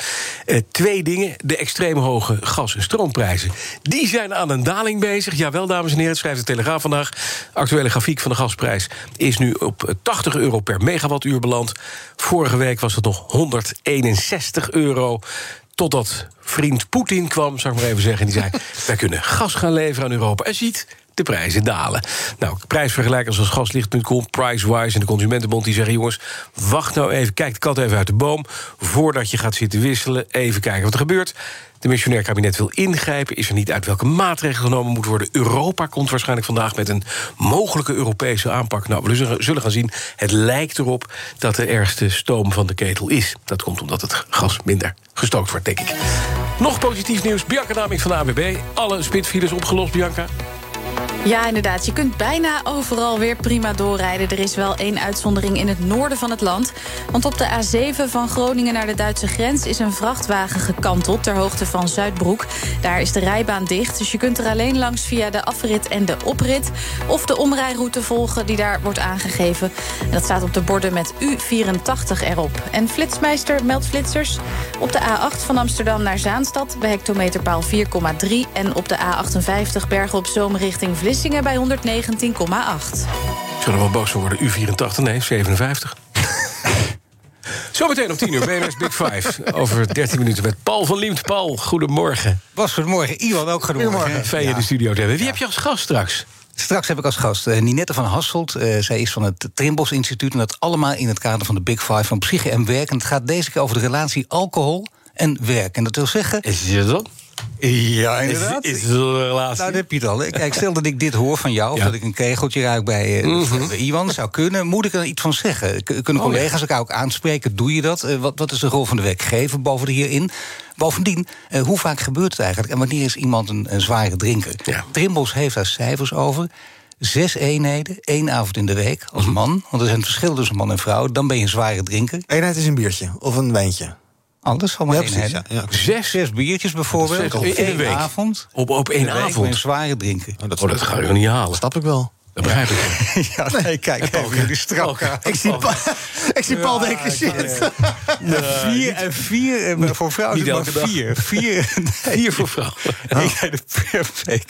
Wat zeg je, Het Paul? is, eh, dat is, eh, de- de- de- ik probeer gewoon heel rustig en coherent te blijven praten. Want je kunt het maskeren, ook dat. Hè? Dat is het ook. Dat lukt je heel goed. Ja. Nou, maar er zijn, er, zijn, er zijn toch heel... Dat, Ik moet er nog twee volhouden, jongens. je moet ze de kost niet geven. Die, eh, hè? Zeker. Zo. Zometeen gaat het Zo tussen meteen. 10 en 11 daarover. Dat is, eh, maar dan eh, ja, heel serieus. En het gaat natuurlijk over, over alle cijfers. Die heeft ze gewoon bij de hand. Dat is belangrijk. En bovendien, wat doet er aan? Hoe kun je het aanpakken? De vrijdagmiddagborrel komt natuurlijk ook te sprake. Alles wat je maar kunt bedenken over alcohol en werk in één uur tijd. Mooi zo. Zometeen. Zonder één drupje alcohol. Ja, zeker met water. Vanaf 10 uur hier eh, in BNF Big Five met Paul van. De Ochtendspits. Bas van Werven. Ja, en dan gaan we nog even een rondje nieuws uit Amerika doen. Want techbedrijf IBM, American Airlines, Southwest Airlines... gaan hun personeel in Texas gewoon verplichten gevaccineerd naar de werkvloer te komen... ondanks de republikeinse gouverneur van de Amerikaanse staat, Greg Abbott... die zei dat hij geen boodschap meer heeft aan de, ja, aan de regering Biden. Hij zegt geen enkele instantie moet een vaccinatieplicht instellen. Nou, Biden riep vorige maand op bedrijven op om zo'n vaccinatie voor bedrijven te verplichten. En dus drie van de grootste werkgevers in Texas negeren dus nu compleet het decreet van de gouverneur. IBM heeft contracten met de federale overheid en moet voldoen aan de federale vereisten, waardoor werknemers eindelijk uiterlijk op 8 december volledig moeten zijn gevaccineerd tegen COVID-19. Zijn woordvoerder van het in New York gevestigde bedrijf. Federale overheid gaat erover. Daarbij steken ze dus de virtuele middelvinger op naar de republikeinse democratische of eh, de republikeinse gouverneur van Texas. Ja. Ja. Er wordt ook nog een en ander verlicht als het gaat om ehm, eh, reizen. Eh, vanaf Mhm. begin november, je weet, mogen we er weer gereisd worden van Europa naar Amerika. En ook de interne grens, althans eh, op het continent, met Mexico en Canada, die gaan weer open. Inwoners van de VS die mochten al sinds de uitbraak in maart 2020 niet meer zomaar de grens over. En dat mag dus binnenkort dan weer wel. Ehm, als je met de veerboot gaat, is alleen een vaccinatiebewijs goed. Wil je gaan vliegen, dan moet je ook een negatieve test hebben. Andersom trouwens, vanuit Canada en Mexico is er nog geen datum voor de opheffing van de reisbeperking. Dus als je daar uit Amerika naartoe gaat, is wel een enkeltje voorlopig. Dat meen je? Oké, dan weten we dat. Tech Update. En dus is hier aangeschoven Jo van Buren. Jo, goedemorgen. Hey Bas, en Iwan. Facebook heeft 4000 mensen en groepen op de zwarte lijst gezet. Ja, dan moet je denken aan gemilitariseerde bewegingen, vermeende terroristen en haatgroepen, zoals de Ku Klux Klan en vertakkingen van Al-Qaeda. Ook twee eh, groepen met een Nederlandse link, neonazi-groepen, die mogen niet meer op Facebook actief zijn. Dat meldt nu.nl op basis van onderzoek van The Intercept. Volgens Facebook zelf wordt die lijst eigenlijk constant aangevuld en maken ze hem daarom ook niet openbaar. Ook omdat er juridische en veiligheidsrisico's zijn volgens hun als dat wel openbaar is. Dus tegelijkertijd vindt de semi-onafhankelijke toezichtsraad van Facebook, hebben we wel eens over gehad, die wordt betaald door Facebook, maar zitten wel onafhankelijke leden in, dat die wel gedeeld zou moeten worden in het kader van transparantie. Dan kun je binnenkort met je Android-telefoon je auto ontgrendelen. Ja, nou, Google die gaat de digitale autosleutel op je smartphone mogelijk maken. Hartstikke leuk. Eerder dit jaar al aangekondigd, maar nu komt er ook echt een update via Google Play Services dat het kan. Dan wordt je eh, autosleutel gekoppeld aan Google Pay, net zoals je bankpasje. Eh, in eerste instantie wordt het alleen ondersteund op smartphones van Google zelf en Samsung. De automerken die dat dan gaan ondersteunen zijn in eerste instantie Ford en BMW. Ik kan het dus ook gaan doen, want ik heb een Google-telefoon en een BMW. Maar ja, met de iPhone kan het al een tijdje. Dus eh, hebben jullie het eigenlijk wel eens gedaan? Mijn auto is 17 jaar Ja, oké. Nee, ja, dat is een domme vraag. Misschien niet wel. Mijn auto niet zo oud, maar wel te oud. Oké. Dus, jouw auto is? Eh, zeven jaar oud. Nou, kan het ook niet meer. Jij kan het wel mee? Oh, oké. draadloos. Nou, ik zou het even moeten onderzoeken. Ik denk het wel. In Californië wordt dit verboden. Goed ook. Je mag je haar niet meer feunen. Je mag je haar niet meer feunen. Woensdagochtend. Iedereen is weer wakker. Wat een herrie zeg. Och, Kom op, man. Nou goed, in Californië zijn ze dus verstandig. Want vanaf 2024 komt er een verbod op bladblazers... en soortgelijke tuinapparatuur op brandstof. Ja, dat is mooi. Het zijn dus inderdaad die dingen die, die met een tweetaktmotortje zijn. Precies. Het is dit niet, het was een elektrodingetje. Nou, nee, ja, maar goed, die zijn ook erg. Maar Ja, nou, dat zeg ik. het punt is overigens vooral dat onderzoek in de VS uitwijst... dat er 65 miljoen liter per zomer gemorst wordt... alleen al tijdens het tanken. Gemorst. Niet eens verstookt. Alleen gemorst. Dus. Ja, de Meer ook, en de uitstoot dan nog, Mhm. die is hoger dan eh, een ritje in een Toyota Camry van New York naar Orlando. Ik heb even uitgerekend, dat is 1700 kilometer. Ja, best wel. En dat is als je een uur lang zo'n ding gebruikt. Eh, bovendien 90 decibel aan geluidsoverlast. Dat geldt eh, overigens ook voor de voor elektrisch, maar juist ook op brandstof. Dus eh, even dan, goed, in Nederland hebben we dan ook die elektrische dingen. Maar Bas, elektrische aandrijving is hier toch een uitstekend alternatief. Nee. Mechanisch. Ik heb achter de John Deere heb ik gewoon een veegkar. Oh ja, nou ja, goed. En de John Deere rijdt op biobrandstof. Vanmiddag om drie uur hoor je BNR's Digitaal met Herbert Blankenstein. Waarover gaat het dan? NFT's, hebben jullie die toevallig al? Nee, hebben we niet. Nee. Nee, ja, voor jou ook niet van. Ivan misschien? ook nee, niet, ook nee. niet. Nee, nee. Dat is zo gruwelijk duur. Nee, dat, eh, zeker, dat, dat is ook precies waar we het over gaan hebben. Non- Non-fungible tokens. Je hebt eigenlijk niks, want je koopt niks. Nee, Toont jij- een foto van je duim. Je koopt het digitaal eigenaarschap over een plaatje of over een, een, een Mhm. toegangskaartje of whatever. Nou, in elk geval, begin dit jaar kwamen ze natuurlijk opeens op voor het grote publiek. Nu worden ze al breed geadopteerd, ook door Microsoft bijvoorbeeld. En TikTok gaat er van alles doen. Dus we gaan het daarover hebben met een paar NFT-kenners. Zijn ze here to stay of niet, de NFT's? Over drie jaar vergeten, denk ik. Behalve BNR Digitaal. Dankjewel, Jo van De Buren. BNR Tech Update wordt mede mogelijk gemaakt door Lenklen. Lenklen. Betrokken expertise, gedreven resultaat. Joe probeert jou toch altijd een beetje uit de kast te lokken als het om het elektrisch gaat, hè? Gek, hè? Gaat het toch niet lukken? Jawel, ooit op een dag. Dit is het. De tune van Star Trek. Een raket van oud-Amazon-topman eh, Jeff Bezos... gaat vanmiddag de ruimte in met aan boord. De enige echte Captain Kirk. To go where no man has gone before. William Shatner, de acteur uit Canada, die gaat erin. Vorige week werd er een speciale boodschap aangekondigd door Blue Origin... dat hij eh, ermee kwam. En Rob van den Berg is van Sterrenwacht Zonnenborg in Utrecht. Hij zegt het is bijzonder sensationeel. En ook voor de fans bijzonder. Die zagen hem hiervoor namelijk alleen maar in de serie op ruimtereis. Gewoon in de studio. En, eh, en nu voor het eerst dus echt in de ruimte. Ehm, ja, niet helemaal hetzelfde als in de serie natuurlijk, waarin hij naar de andere kant van de melkweg reist. Nu maakt hij een sprongetje, maar wel echt in de ruimte. Ja, in een te strak zittend pak. Man is 90, William Shatner. En ik zag vanmorgen een liedje foto zien. Dan zie je zijn medereizigers. Dat zijn Chris Robinson en uh, uh, Glenn DeVries. Ja. Klinkt heel Nederlands, maar die zijn gewoon ergens anders dan. Maar Glenn en Chris die vliegen mee. En een mevrouw die heet Audrey Powers. Dat is een, de vicepresident van, van Jeff Bezos, een concern.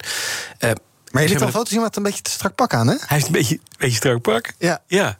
Toch, hè? 90 jaar oud. Rob van den Berg maakt zich geen enkele zorgen. Er werd wel eens gezegd uh, op internet van het zou een, een mooi zeemansgraf zijn. Als hij het niet overleeft daar. Ja. Maar dat zou slechte reclame zijn nou. voor Jeff Bezos natuurlijk. Dus uh, ja.